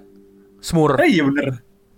Ya Iya. kan? Maksud gua kayak semuanya tuh terkait gitu. Apa yang lu bisa nikmati sekarang ya itu karena akulturasi budaya, asimilasi dan segala macam. Jadi ya intinya lu kalau misalnya masih ngom Oke lah, gue tahu bahwa ini gak bakal bisa hilang isu-isu rasial dan agama. Tapi maksud gue tolonglah lu berpikir secara lebih dewasa gitu. Mm-mm. Medsos yang katanya harusnya mengkoneksi orang-orang malah jadinya bikin kita berantem segala macam kan? Dipecah belah bro. Iya. Mm-mm, makanya maksud gua ini sih jadi eh, bahayanya ini karena tadi bro karena kurang edukasi kan kayak lu lu nggak lu nggak tahu asal asal muasal kata sepatu kata jendela bendera tadi kan lu Iya. bilang bakmi itu mereka nggak tahu gitu mereka taunya yang sekarang ada aja gitu yang kontemporer aja ya oh yang kayak gini gitu mereka nggak tahu historinya Betul. itulah pentingnya sebenarnya edukasi kalau menurut gue bro Lu kalau tahu pentingnya edukasi ya, apa yang lu sekarang suka-suka makan tuh semua juga jarang yang bener-bener asli dari Indonesia nih. Kayak misalnya, Hmm. oke yang asli Indonesia misalnya lalapan gitu ya. iya Coba kalau lu misalnya lu ngomong bakso dari Cina, Hmm, semur dari Belanda, ya kan? iya Mie, Indomie tuh yang yang semua orang Indonesia makan yang kemarin bansos dikorupsi dari Cina. Julia Juliari kontol Iya. Pasta yang lo makan dari Italia itu pun dari Cina. iya Panada Manado dari pastel, ya kan? betul Portugis, empanada segala macem, ya kan? makanya bro nggak ada yang asli gitu loh Gak ada yang asli gitu loh. Yang mana yang asli tuh ngomongin agama apa segala macem. Aduh, ini by the agama way. juga Agak, agak. agama yang asli man agama yang asli itu yang mana juga bro No, iya kita ngomong sedikit agama asli. Agama asli menurut gua adalah agama yang bukan dari KTP lu loh. iya Agama asli orang Kalimantan tuh kahiringan, iya Karingan bukan Islam. Heeh, di kuningan uh, Wiwitan Nah, Sunda Wiwitan, di Jawa Kejawen. kayaknya Ya itu kan? pun juga nggak asli sebenarnya bro udah campuran juga gitu loh Bisa jadi, asli bisa jadi. Nggak ada yang asli tuh Ma- makanya kalau misalnya lu mengkafir-kafirkan orang yang di luar agama lo, ya lu mengkafirkan leluhur lu dong. makanya Gimana tuh? Gimana? susah bro nggak bisa Gimana para pendengar? Jadi bingung kan? Pernah denger, dia bingung kan Oke. Kalau kata Bang Karni, kita rehat sejenak.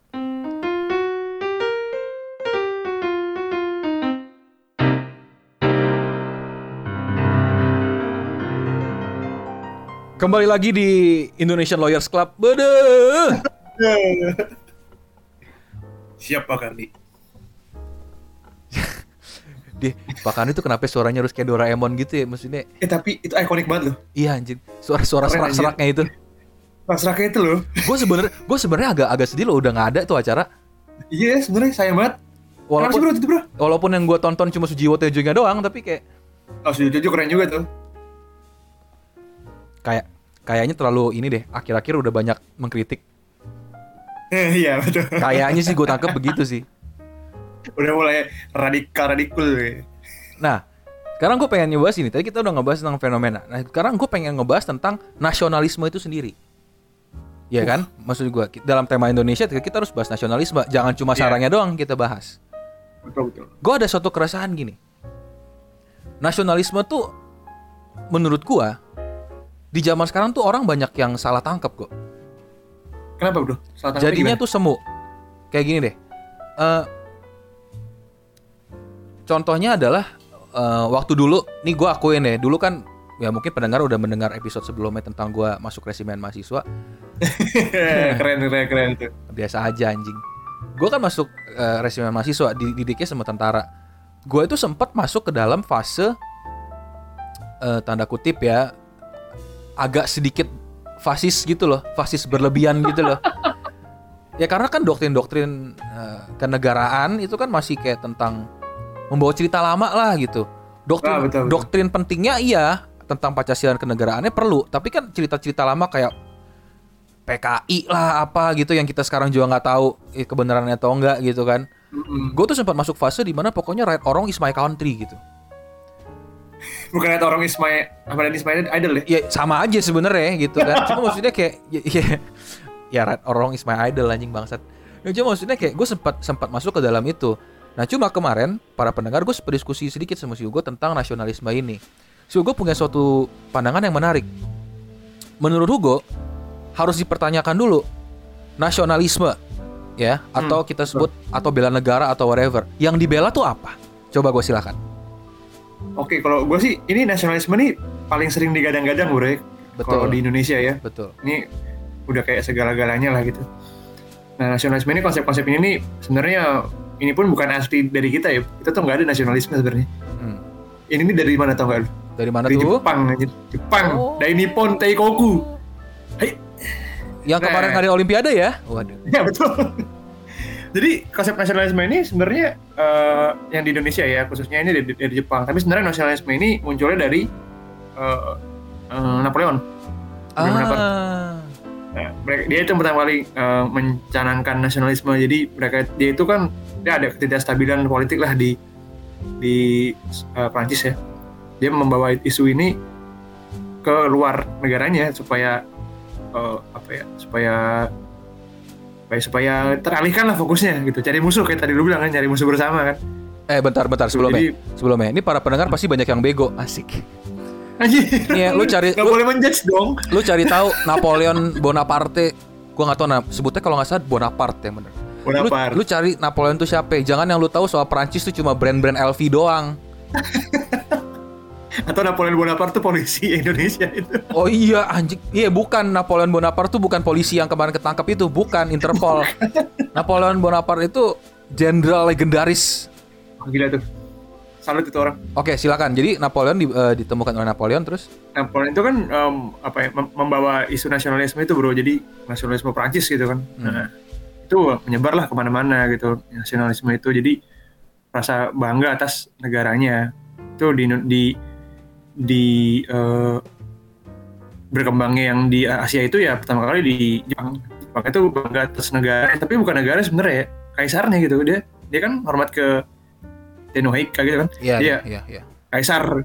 Tapi ya baunya Jepang karena kita uh, uh, bangsa yang paling hebat lah gitu istilahnya kan. Dia bisa ngalahin Rusia gitu Hmm, hmm. di perang itu. Di uh, sebelum perang dunia pertama 1905 mereka perang itu perang memperebutkan pulau tuh lupa gue namanya apa pokoknya dia rebutan tuh dia menang tuh. Nah setelah kemenangan itu orang-orang Asia yang bilang wah kita berarti sama ini yang dijajah sama orang Eropa kita lebih hebat dong gitu kan. Kita bisa juga gitu sama ngalahin orang Eropa. Jepang aja bisa kenapa kita enggak? gitu. Hmm, hmm. sama, sama orang Asia. Nah mulai dari situ bro, rasa-rasa nasionalisme tuh rasa rasa bangga atas uh, kebangsaannya. Tapi di Indonesia waktu itu tuh bangsa bangsa tuh apa? Masih nggak tahu kan, makanya muncullah uh, Sumpah Pemuda, partai-partai nasional kayak gitu, dan paling orang yang paling paling banget sebagai ikon dari nasionalisme itu siapa? Lu pasti tahu lah. Eh, Fakhar Abbas. Salah bro, apa Dani lah? Enggak, enggak, enggak. Yang paling bener tuh yang ini paling ini gue tahu, gue tahu. Eh, gue tahu. siapa? Siapa? Habib Bahar bin Smith. yang pakai baret ya baret merah Kopassus Yo, betul belinya di Senen tuh. Belinya di Senen tuh pasti tuh. Senin anjir mendingan baret biru biru UN Yoi, ABCD. ABCD Amerika Apa? British, Kanada, Bandung. Iya. Bandung Siapa siapa siapa siapa?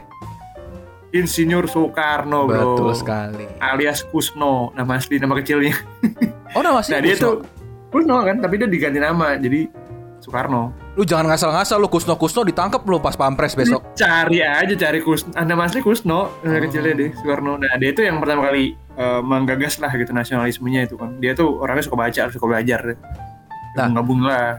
Menurut lu di saat kita masih merdeka dulu konsep nasionalisme itu penting atau enggak? penting banget itu sebagai kendaraan bro nasionalisme itu sebagai kendaraan untuk kita merdeka jadi Hmm. untuk menyatukan kita jadi ibaratnya kita mau pintu gerbang kemerdekaan tuh kita naik sa- satu mobil mobil mobil mobil nasionalisme namanya Betul, betul. Itu. betul. Karena dulu BMW masih susah ya.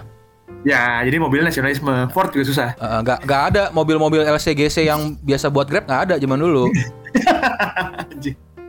Nggak, tapi benar maksud gua, gua menangkap konteks itu bahwa kayak ya zaman dulu kan orang kan masih terpisah-pisah kan, apa sih Yong, Iya. Yong Sulawesi, Yong apa gitu-gitu kan.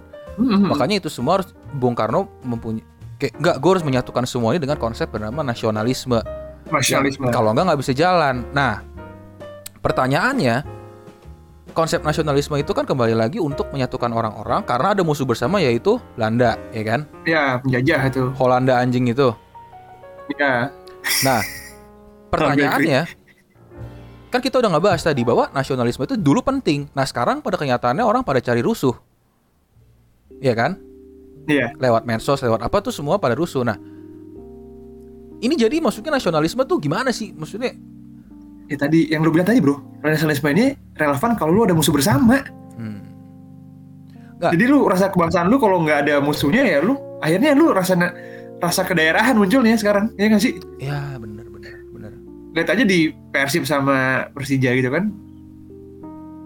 Itu aja. Sama itu buktinya itu jelas-jelas aja bro. ya. Ketika lu lawan Malaysia, Persib sama Persija bersatu udah jadi supporter Indonesia. Iya bener juga. Tapi ketika di Liga 1 ya kita Persib, kita Vi- Viking, Bobo- Bobotoh, lu The Jack gitu.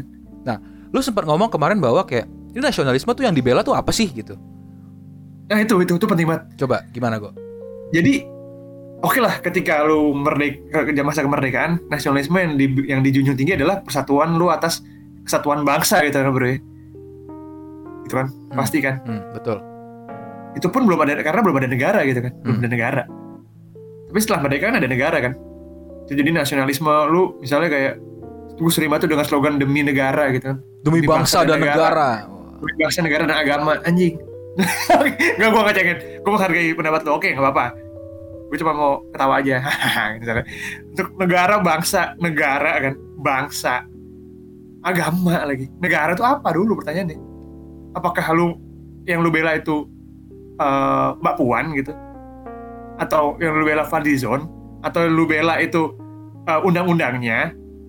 Atau konstitusinya? Apanya? Yang jelas gitu. Negara apa? Hmm. apakah orang-orangnya yang tinggal di negara itu warga negara Tetangga Mana lu.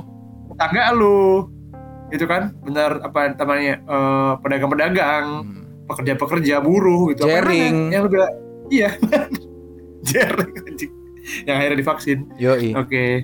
Yang mana bro? Apa? Nasionalisme apa? Terus bangsa. Kan tadi negara bangsa agama gitu. Bangsa apa? Bangsa yang mana yang lu bela gitu? Bangsa Indonesia kita kan berarti. Kalau ngomong berarti kita di bahasa Indonesia berarti lu harusnya lu nggak usah beda-beda lagi. Lu Cina lu Arab lu Batak lu Jawa. Lu nggak usah sebut itu lagi harusnya. Karena kita bahasa Indonesia kan tadi lu bilang. Hmm. gitu. Agama. Agama yang mana gitu kemarin aja menteri ngomong selamat apa ngomong uh, untuk ag- agama bahaya aja lu protes gitu kan. Itu diakuin agama bahaya. Kenapa lu protes aja Hmm. gitu gitu bro. Yang mana? Pertanyaannya lu lu nasionalisme yang mana? Atas apa gitu? Yang lu bela apa? Kan itu nggak sama ini nggak jelas kan? Lu taunya membela nasionalisme bendera RI gitu kan hormat. Merah putih. Apa? Repres- merah putih itu tuh representasi dari apa sih? Itu harus jadi pertanyaan. Kalau gua pribadi merah putih itu menjadi representasi atas kita ini semua warga negara bro jadi yang harus lu bela tuh warga negara Hmm. terlepas dari lu siapa gitu warga negara yang selain DPR, batu bara ya, ya itu sih nggak usah dibela udah. DPR dan menteri kontol udah Ya udah itu mah nggak usah batu bara Juliari waduh, itu nggak usah udah. itu bro maksud gue gitu yang gue masuk kemarin Itu poin-poin yang menarik ya buat kalian para anak muda. Syila. Seminar kebangsaan kali ah. kayak gini bro suka banyak aku cinta Indonesia. Indonesia apa? Nah, itu yang itu itu masuk ke topik pembahasan gue sebelumnya, toleransi semu. Eh enggak salah, itu bukan masuk toleransi semu, itu masuknya ke over pride. over pride anjir. Berlebihan ya kebanggaan berlebihan. Menurut gue gini, over pride itu salah satunya sih contohnya yang tadi tuh, proud to be Indonesian. Tulis di bio Instagram, gitu kan. Gue kasih tahu, gue kan nih ya, ini ya para pendengar ya, ini gue pasti yakin lu, lu pada kan bego, jadi pasti banyak yang lakuin. lu udah segitu Gue kasih tahu ya, apa pun yang lu tulis di medsos doang, ya, yang kayak cuma proud to be Indonesian. Terus kayak ini kemarin kan lagi ikut RI heboh-heboh pada tempel, pada ngepost gambar muka dia, terus ada wallpaper. Lu tahu kan? tahu gue Yang di blok merah gitu, eh, selamat hari gitu, Indonesia kuat apa-apa. Gak Rahayu guna, gak, Indonesia. gak guna, gak guna. Gak guna kalau kerjaan lo masih bacot-bacot, terus lo masih rasis tuh gak guna, gak guna. gak guna anjir Gak guna lo pakai outfit merah putih, captionnya I love this country, terus atau lo bikin video TikTok backsoundnya lagu coklat yang udah bosen, gak guna. Gak guna. band nasionalis ya Merah putih teruslah kau berkibar. Lagunya bagus tapi udah bosen. Gua kasih tahu ya. bendera bro bendera berkibar yang di bawah kelaparan gitu lihat Iya. bendera Nggak guna. nggak guna. terus terus, terus. Lu heboh heboh. Orang Indonesia tuh over pride juga sebenarnya nggak penting. Gua kasih tahu ya. Kenapa, Heboh heboh nggak penting contohnya. Kalau orang luar negeri ngomong pakai bahasa Indonesia, Chris Hemsworth ngomong selamat pagi. Wah. Wah. Obama suka sate. Wah. Nih gue, lu kan sama gue kan kita kan sering ngeband. Lu tahu Tillman Brothers kan? Yang di Belanda. Tahu. Iya. Yang diklaim katanya Beatles nonton itu jadi terinspirasi. Anjir, kok bisa gitu ya? Gue sampai gue pernah nyari itu di YouTube. Ya. Jadi gini, Tillman Brothers itu adalah ya dia kalau nggak salah Ambon apa? Ambon, Ambon. Ambon ya, Ambon. Tapi mereka merantau ke Belanda, terus mereka bikin band di Belanda. Hmm. Eh, ya rock and roll rock and roll gitulah buat yang nggak tahu lah. Nah mereka itu orang Indonesia tuh mengklaim bahwa Tillman Brothers itu adalah sumber inspirasinya The Beatles. Itu kan udah ketahuan hoax kan? Udah ketahuan hoax. Gue nonton di YouTube orang Indonesia tuh sampai berantem ya, kayak enggak nih John Lennon tuh dengerin mereka kayak Anjir, nih gila banget, penting banget ya. iya berantemnya sama orang luar negeri gitu yang orang Belanda asli gitu kayak anjing lu ngapain sih? Ya ampun, nggak penting banget. anjir. Terus nih, lu tau nggak waktu kemarin Coldplay yang konser di Thailand Iya, iya. Thailand nyalain lagu lagu kebangsaan orang Indonesia yang lagu Indonesia Raya. Terus? Lu tau gak sih? Gak tau ya? Gak tau gue, gue gak tau bro, baru tau gue ini. Jadi gini, kan kalau di Thailand tuh yang gue baca setiap kali mau ada acara apa gitu, lagu kebangsaan tuh harus dinyanyiin, harus dinyalain, diputer lah gitu. Nah, orang Indonesia yang yang pada berangkat nonton Coldplay di Thailand, pas lagu kebangsaan Thailand diputer, mereka nyanyi lagu Indonesia Raya. Kurang tolol apa ya otaknya? Punya duit tapi kok otaknya di pantat gitu. Gimana sih? Pantat anjir. lu lu tuh nggak sopan anjing ke negara orang gitu lu tuh di negara orang iya. anjing lu digampar sama kontol-kontol bencong lu bubar lu betul. lu tahu kan maksud gua gini orang Indonesia kan overpride overpride bla bla bla gitu kan Iya. padahal mereka Damn, tuh, I love Indonesia. padahal mereka tuh nggak sadar bahwa mereka tuh semua dijadiin pasar sama orang luar negeri Iya, anjir bener jadi keuntungan ya. nih youtuber youtuber tanggung luar negeri gitu cover cover lagu ala Indonesia buat viewer ya kan Iya, makanya. youtuber youtuber luar negeri mukbang atau review Indomie cuma buat dapat viewer yang nonton orang Indonesia juga yang udah tahu rasa Indomie yang udah tahu rasa Indomie kayak apa bingung gak lo Makanya anjir. lu kan udah tahu nih rasa Indomie kayak apa lu nontonin orang makan Indomie karena di orang luar lu tontonin gitu kayak anjing lu lu ngapain gitu Apaan? Terus apa anjing? Faedahnya anjir. itu gue kasih tahu ya lu lu pada tuh yang bacot-bacot di medsos kayak gitu itu bukan bentuk nasionalisme anjing bentuk nasionalisme salah satu contohnya menurut gue di zaman covid kayak gini lu jadi relawan tuh Nah, itu bener. bantuin tuh dokter menakes itu Itu bukti nyata, Bro. gitu-gitu dokter dokter Tirta bacot-bacot lebih nasionalisme daripada lu Iya bener anjir. Ya. Setuju gue. walaupun dia mungkin nyari koneksi juga ke orang-orang gede cuma ya senggangannya dia melakukan sesuatu gitu Iya. Kan kalau kata Rendra kan perbuatan adalah pelaksanaan kata-kata. Anjir gimana sih lu? Al-Quran aja udah bilang sebaik-baiknya orang adalah orang yang bermanfaat bagi sekitarnya Nah, Semuanya. lu tulis proud to be Indonesian itu bukan berarti lu ya ya udah gitu itu ya udah aja gitu Iya makanya udah aja. ya kan nah itu yang nah berhubungan dengan topik ini gitu ya nasionalisme semu ini ini juga jadi bahaya kalau masuk ke toleransi semu go yang tadi gue sempat singgung tadi Hmm. Juga tuh. gini toleransi semu tuh menurut gue adalah lu harus membedakan antara toleransi dan kewajiban lo sebagai bagian dari society Hmm.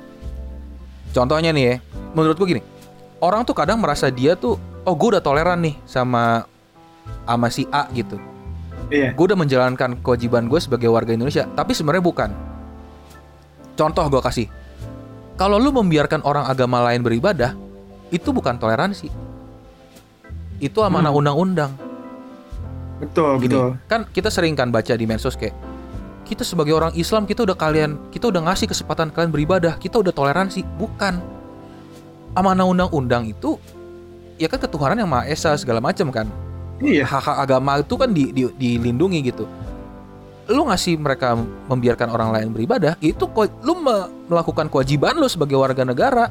Kewajiban lu Ah, ah. sebagai bagian dari society untuk membiarkan mereka beragama Emang sudah semestinya ya gitu Iya. ya harusnya. yang kedua go menurut gua lo biarin buka wa- orang cari duit dengan buka warteg pas lebaran itu bukan toleransi menurut gua. Hmm. itu biasa aja ya kenapa harus ditutup Iya makanya. wartegnya udah di, udah dikasih gorden segala macem Iya. ya kan? Ya dia emang orang Kristen gak boleh makan di warteg? kecuali kecuali wartegnya lagi bulan lebaran, wartegnya bagi-bagi sampel tempe orek tuh gratis di jalanan.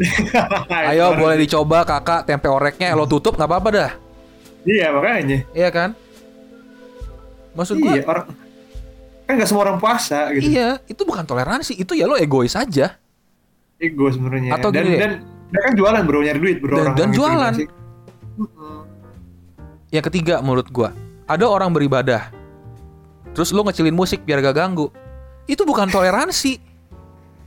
itu sewajarnya lu makhluk sosial gitu. Nggak mestinya begitu.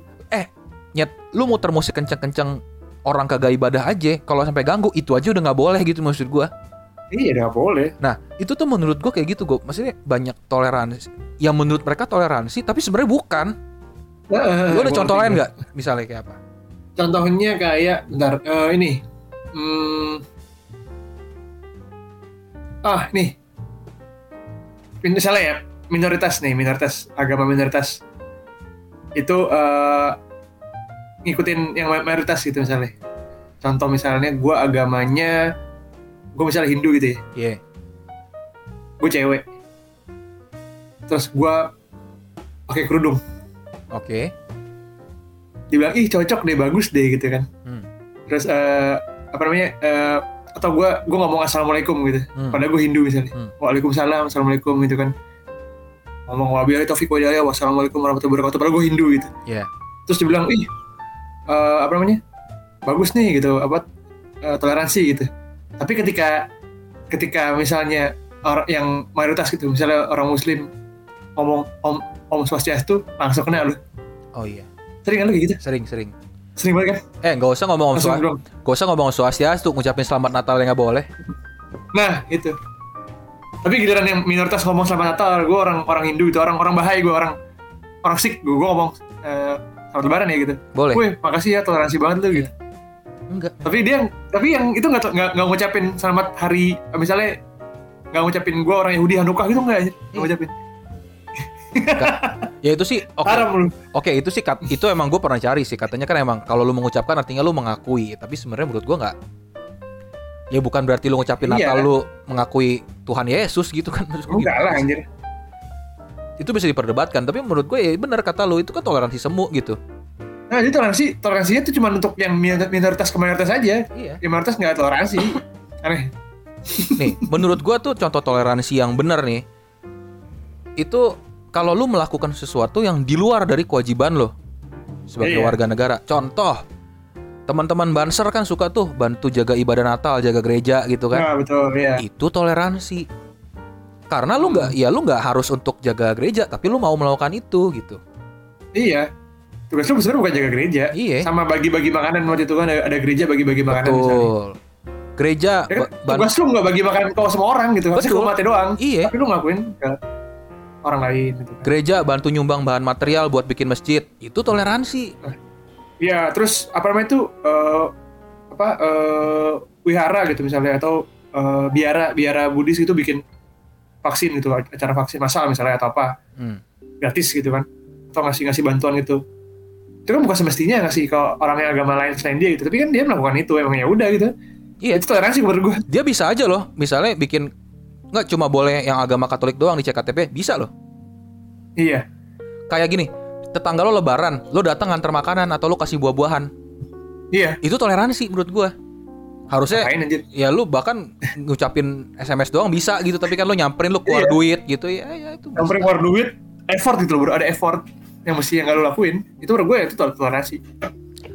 Gue jadi ingat apa yang dibilang Mas Jo Tejo sih. Jadi dia bilang gini soal toleransi dan kewajiban ya dia bilang kalau kalau lu sayang sama pasangan lo pulang kerja lu peluk eh, atau capek pulang kerja lu lu pijitin atau lu dengerin waktu dengerin cerita dia gitu pasangan lu cerita di kantor bla bla bla gitu menurut dia itu kewajiban lu sebagai pasangan untuk ngasih affection untuk betul, memenuhi lu. kebutuhan batiniah pasangan lu Waktu Nah. ditanya lagi kan itu yang yang yang jadi luar biasa nih misalnya kalau lu eh, lagi nggak ada apa-apa tiba-tiba lu beliin eh, pasangan lu eh, kado spesial apalah gitu.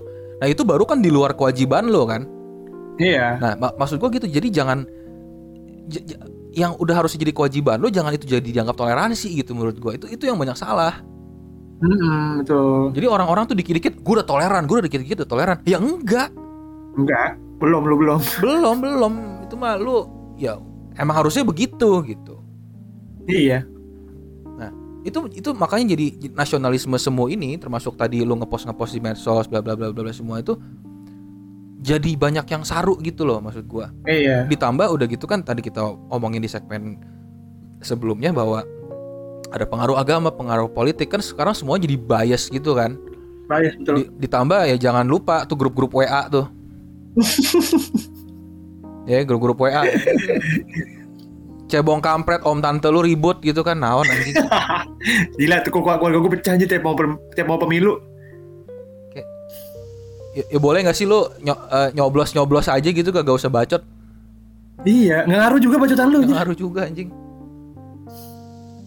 lu lu ujung-ujungnya Itu. kayak lu tuh ujung-ujungnya kayak jaring yang bacot-bacot soal covid itu endorse gitu kayak gak ada Iya. gunanya Gak ada gunanya, vaksin juga lu.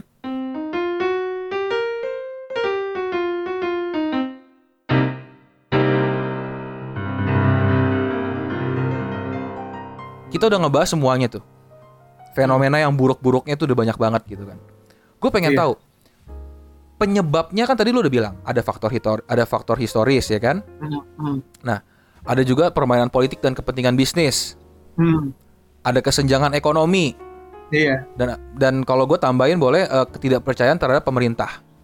Iya betul. nah menurut lo itu kayak gimana? Coba lu coba mungkin bisa jelasin ke pendengar kita Oke, penyebab Eh. sentimen dan ya semua nasionalisme semu dan fuck up inilah gitu semuanya tuh dari empat empat tadi yang lu bilang tadi, Hah? empat faktor itu. Yang pertama kan tadi gue bilang historis ya, sejarah yang gue tadi. Jadi ini diwarisin bro. Yang kayak Oke. gini, yang tadi bilang terwariskan dari dari zaman kolonial ke nenek kakek kita, ke bapak ibu kita, kita, iya.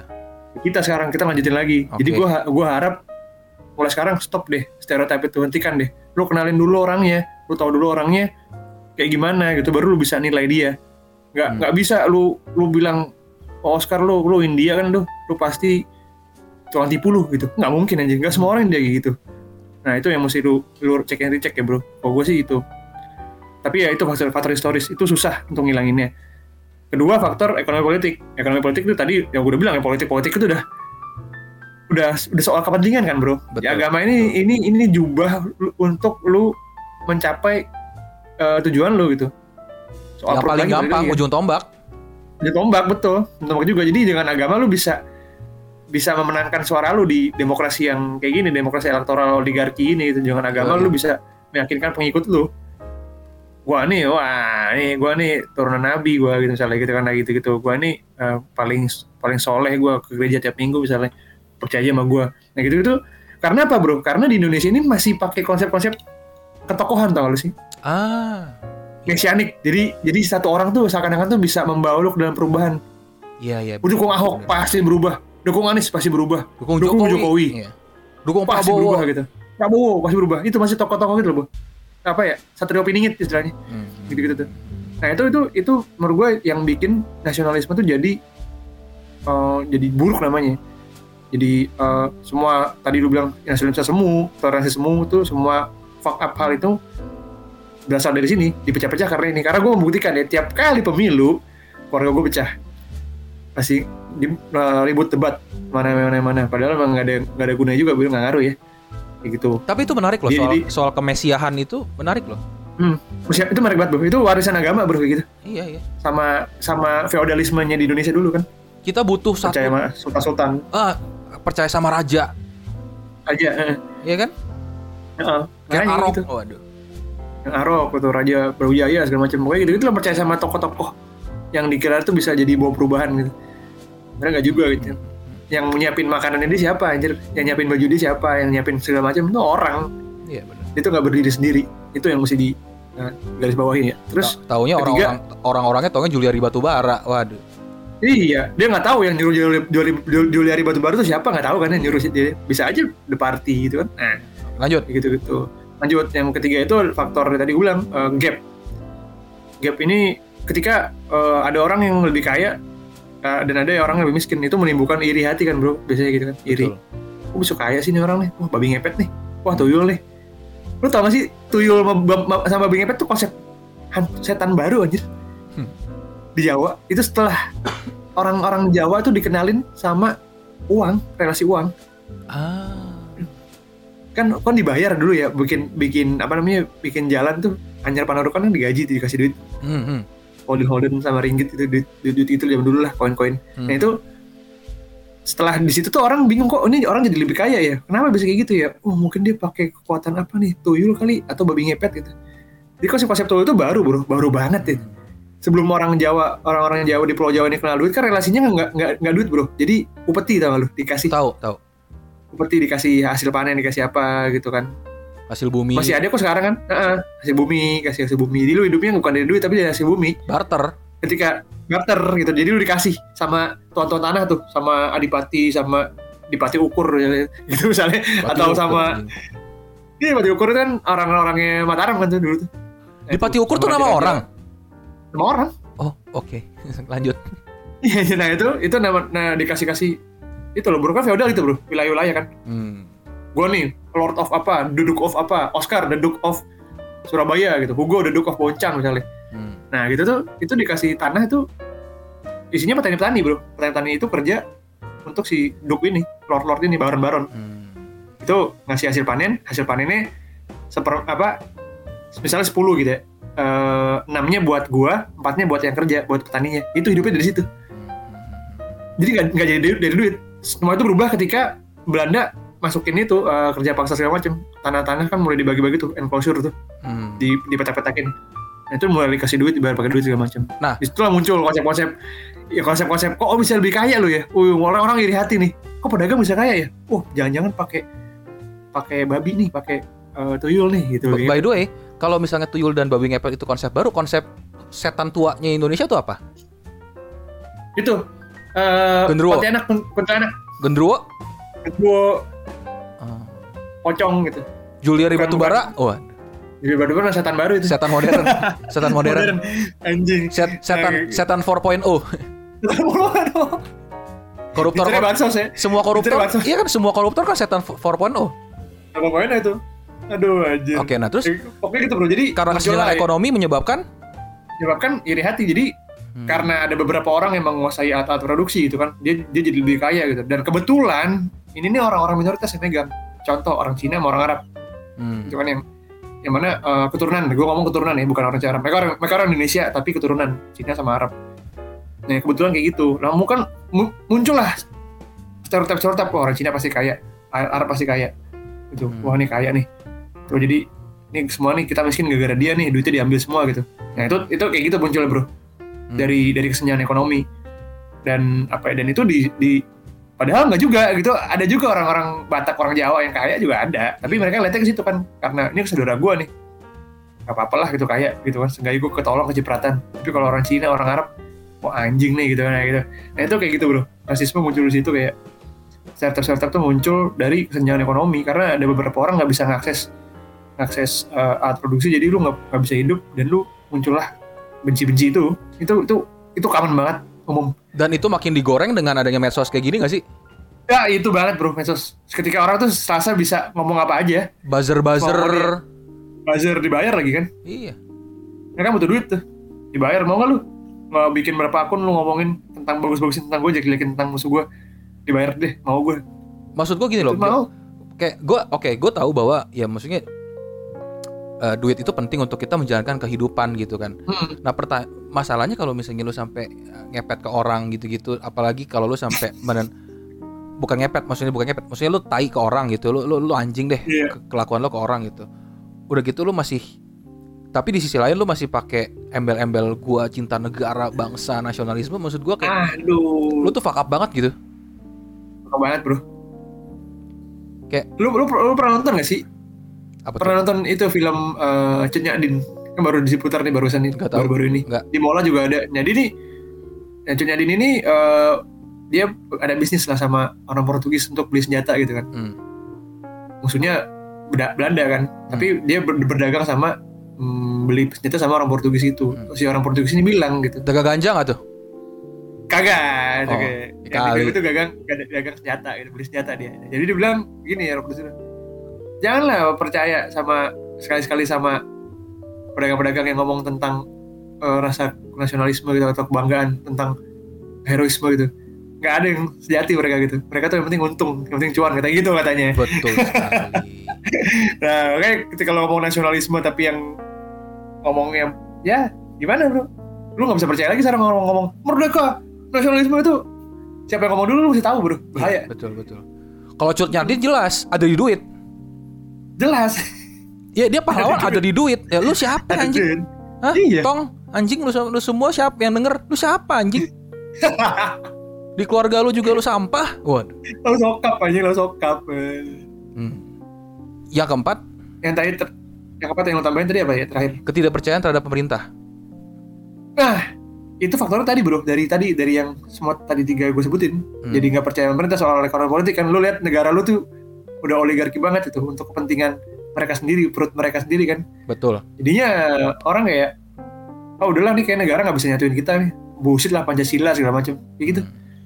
jadinya udah pancasila jadi seakan-akan kayak nggak relevan bro. Mereka nyari alternatif lain kan. Apa ya? Oh khilafah nih mantep kayaknya nih oh komunis nih kayak mantep nih. Oh eh, liberal mantep kayaknya gitu bro. Jadi Oh kerajaan mantep nih, maka kita bikin Sunda Empire. Wah iya anjing. Sama keraton apa tuh? Keraton yang ge- gemblung satu lagi tuh Eh, keraton sejagat. keraton sejagat. Itu itu karena hopeless banget. Lu udah gak percaya sama negara lu lu udah gak udah gak punya konsep pancasila lagi udah lu gak punya apa-apa lagi selain ide gila lu. Udah ya udahlah kita bikin kerajaan ini lah. Oke, kalau kayak gitu itu menimbulkan satu pertanyaan bagus, Go. apa tuh bro? Apakah Indonesia masih relevan atau enggak? Anjrit, ini ini penting banget pertanyaan gue. Pertanyaan lu penting banget bro. Ini ini ini mengulik apa ya? Bikin gue mikir, gue jadi mikir nih. Nah, disclaimer, salah disclaimer, disclaimer. Tolong kalau misalnya ada aparat, eh, BNN, eh, BIN, Bais semua segala macem ya. Intel Intel Kodam ya kan, tolong ya. Kit- Kita bukan maksudnya pengen menggulingkan pemerintahan, tapi ini refleksi diri. kita. Ini refleksi Iya, diri. refleksi aja, betul. Iya kan? Hmm. Eh, Tolong ya, tolong ya. Ya saya memang nggak nasionalis, tapi saya nggak anti Indonesia kok. gitu. Iya, iya. Ya mau maksudnya maksudnya kita ngasih disclaimer gini tuh mohon maaf biar kita kagak digerebek gitu maksudnya gitu. Iya, tahu di depan jendela udah, udah ketok-ketok gitu kan. Jual bakso kan. Iya jual bakso, jual batagor pas lo beli nggak enak gitu kan. Nah ini maksudnya kita disclaimer aja gitu. Kamar aja ya. Maksudnya untuk untuk eh, pertanyaan Indonesia masih relevan atau enggak tuh untuk membuka pemikiran di luar apa yang kita udah ketahui gitu. Betul. Kita kita punya pemikiran tentang Indonesia bahwa Indonesia tuh kayak gini, Indonesia begini. Padahal pada kenyataannya ada banyak pemainnya juga yang kita masih belum Betul. tahu gitu kan.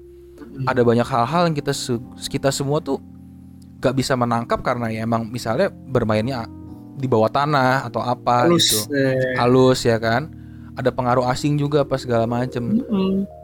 Maksudnya gue tuh di sini sama Hugo eh, kita sepakat untuk bikin episode kali ini tuh untuk membuka eh, mata, hati dan pikiran. C Malik Malik, Asik, Malik, asik. Malik and Essential sekali ah Masuk balik banget.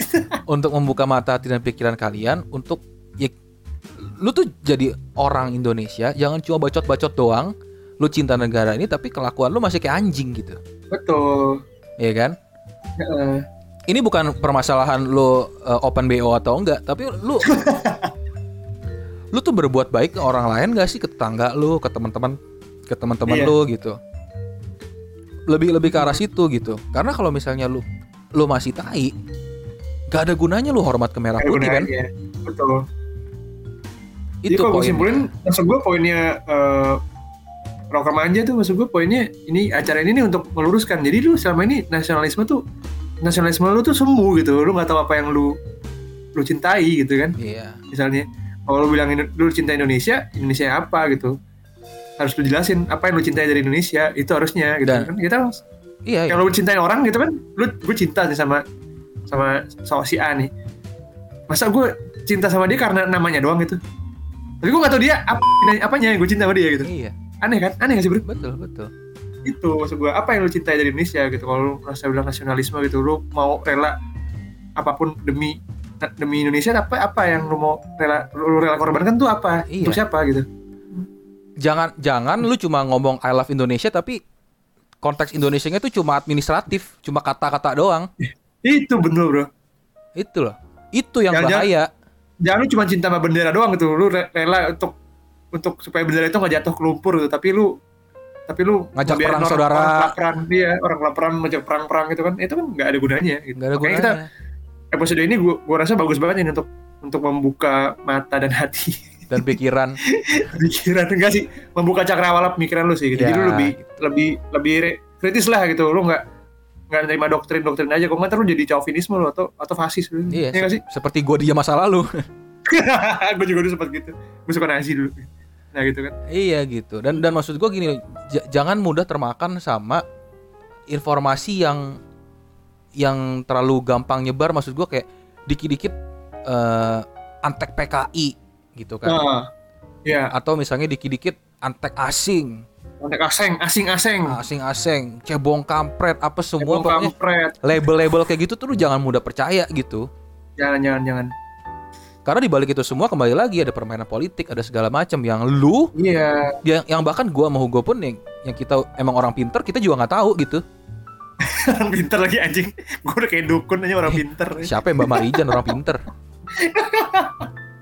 ya kita nggak tahu bro kita nggak tahu Kita tuh nggak tahu. kita kita cuma tahu permukaannya aja Iya kita cuma tahu permukaannya aja gitu. Gue bukannya, Iya. maksudnya gue nggak bilang semua tokoh publik atau pejabat itu brengsek, tapi enggak uh, ya nggak semuanya baik juga gitu. betul jadi jangan naif lah Jangan naif. cukup udah bubar naif juga Iya, ah, ntar reuni lagi udah. Ini 2002, ini kalau 2022 ada Synchronize Fest juga gue yakin reuni lagi. Nah, ada pasti udah naif di reunion. Dewa aja bubar reuni mulu. Ini mulu deh, anjir. Kayaknya bro. Oke, gitu ya para pendengar ya. Eh, pesan gua nih sebagai panglima, Jasik. Anjir, gue dapet deh. Jadikan momen Panglima.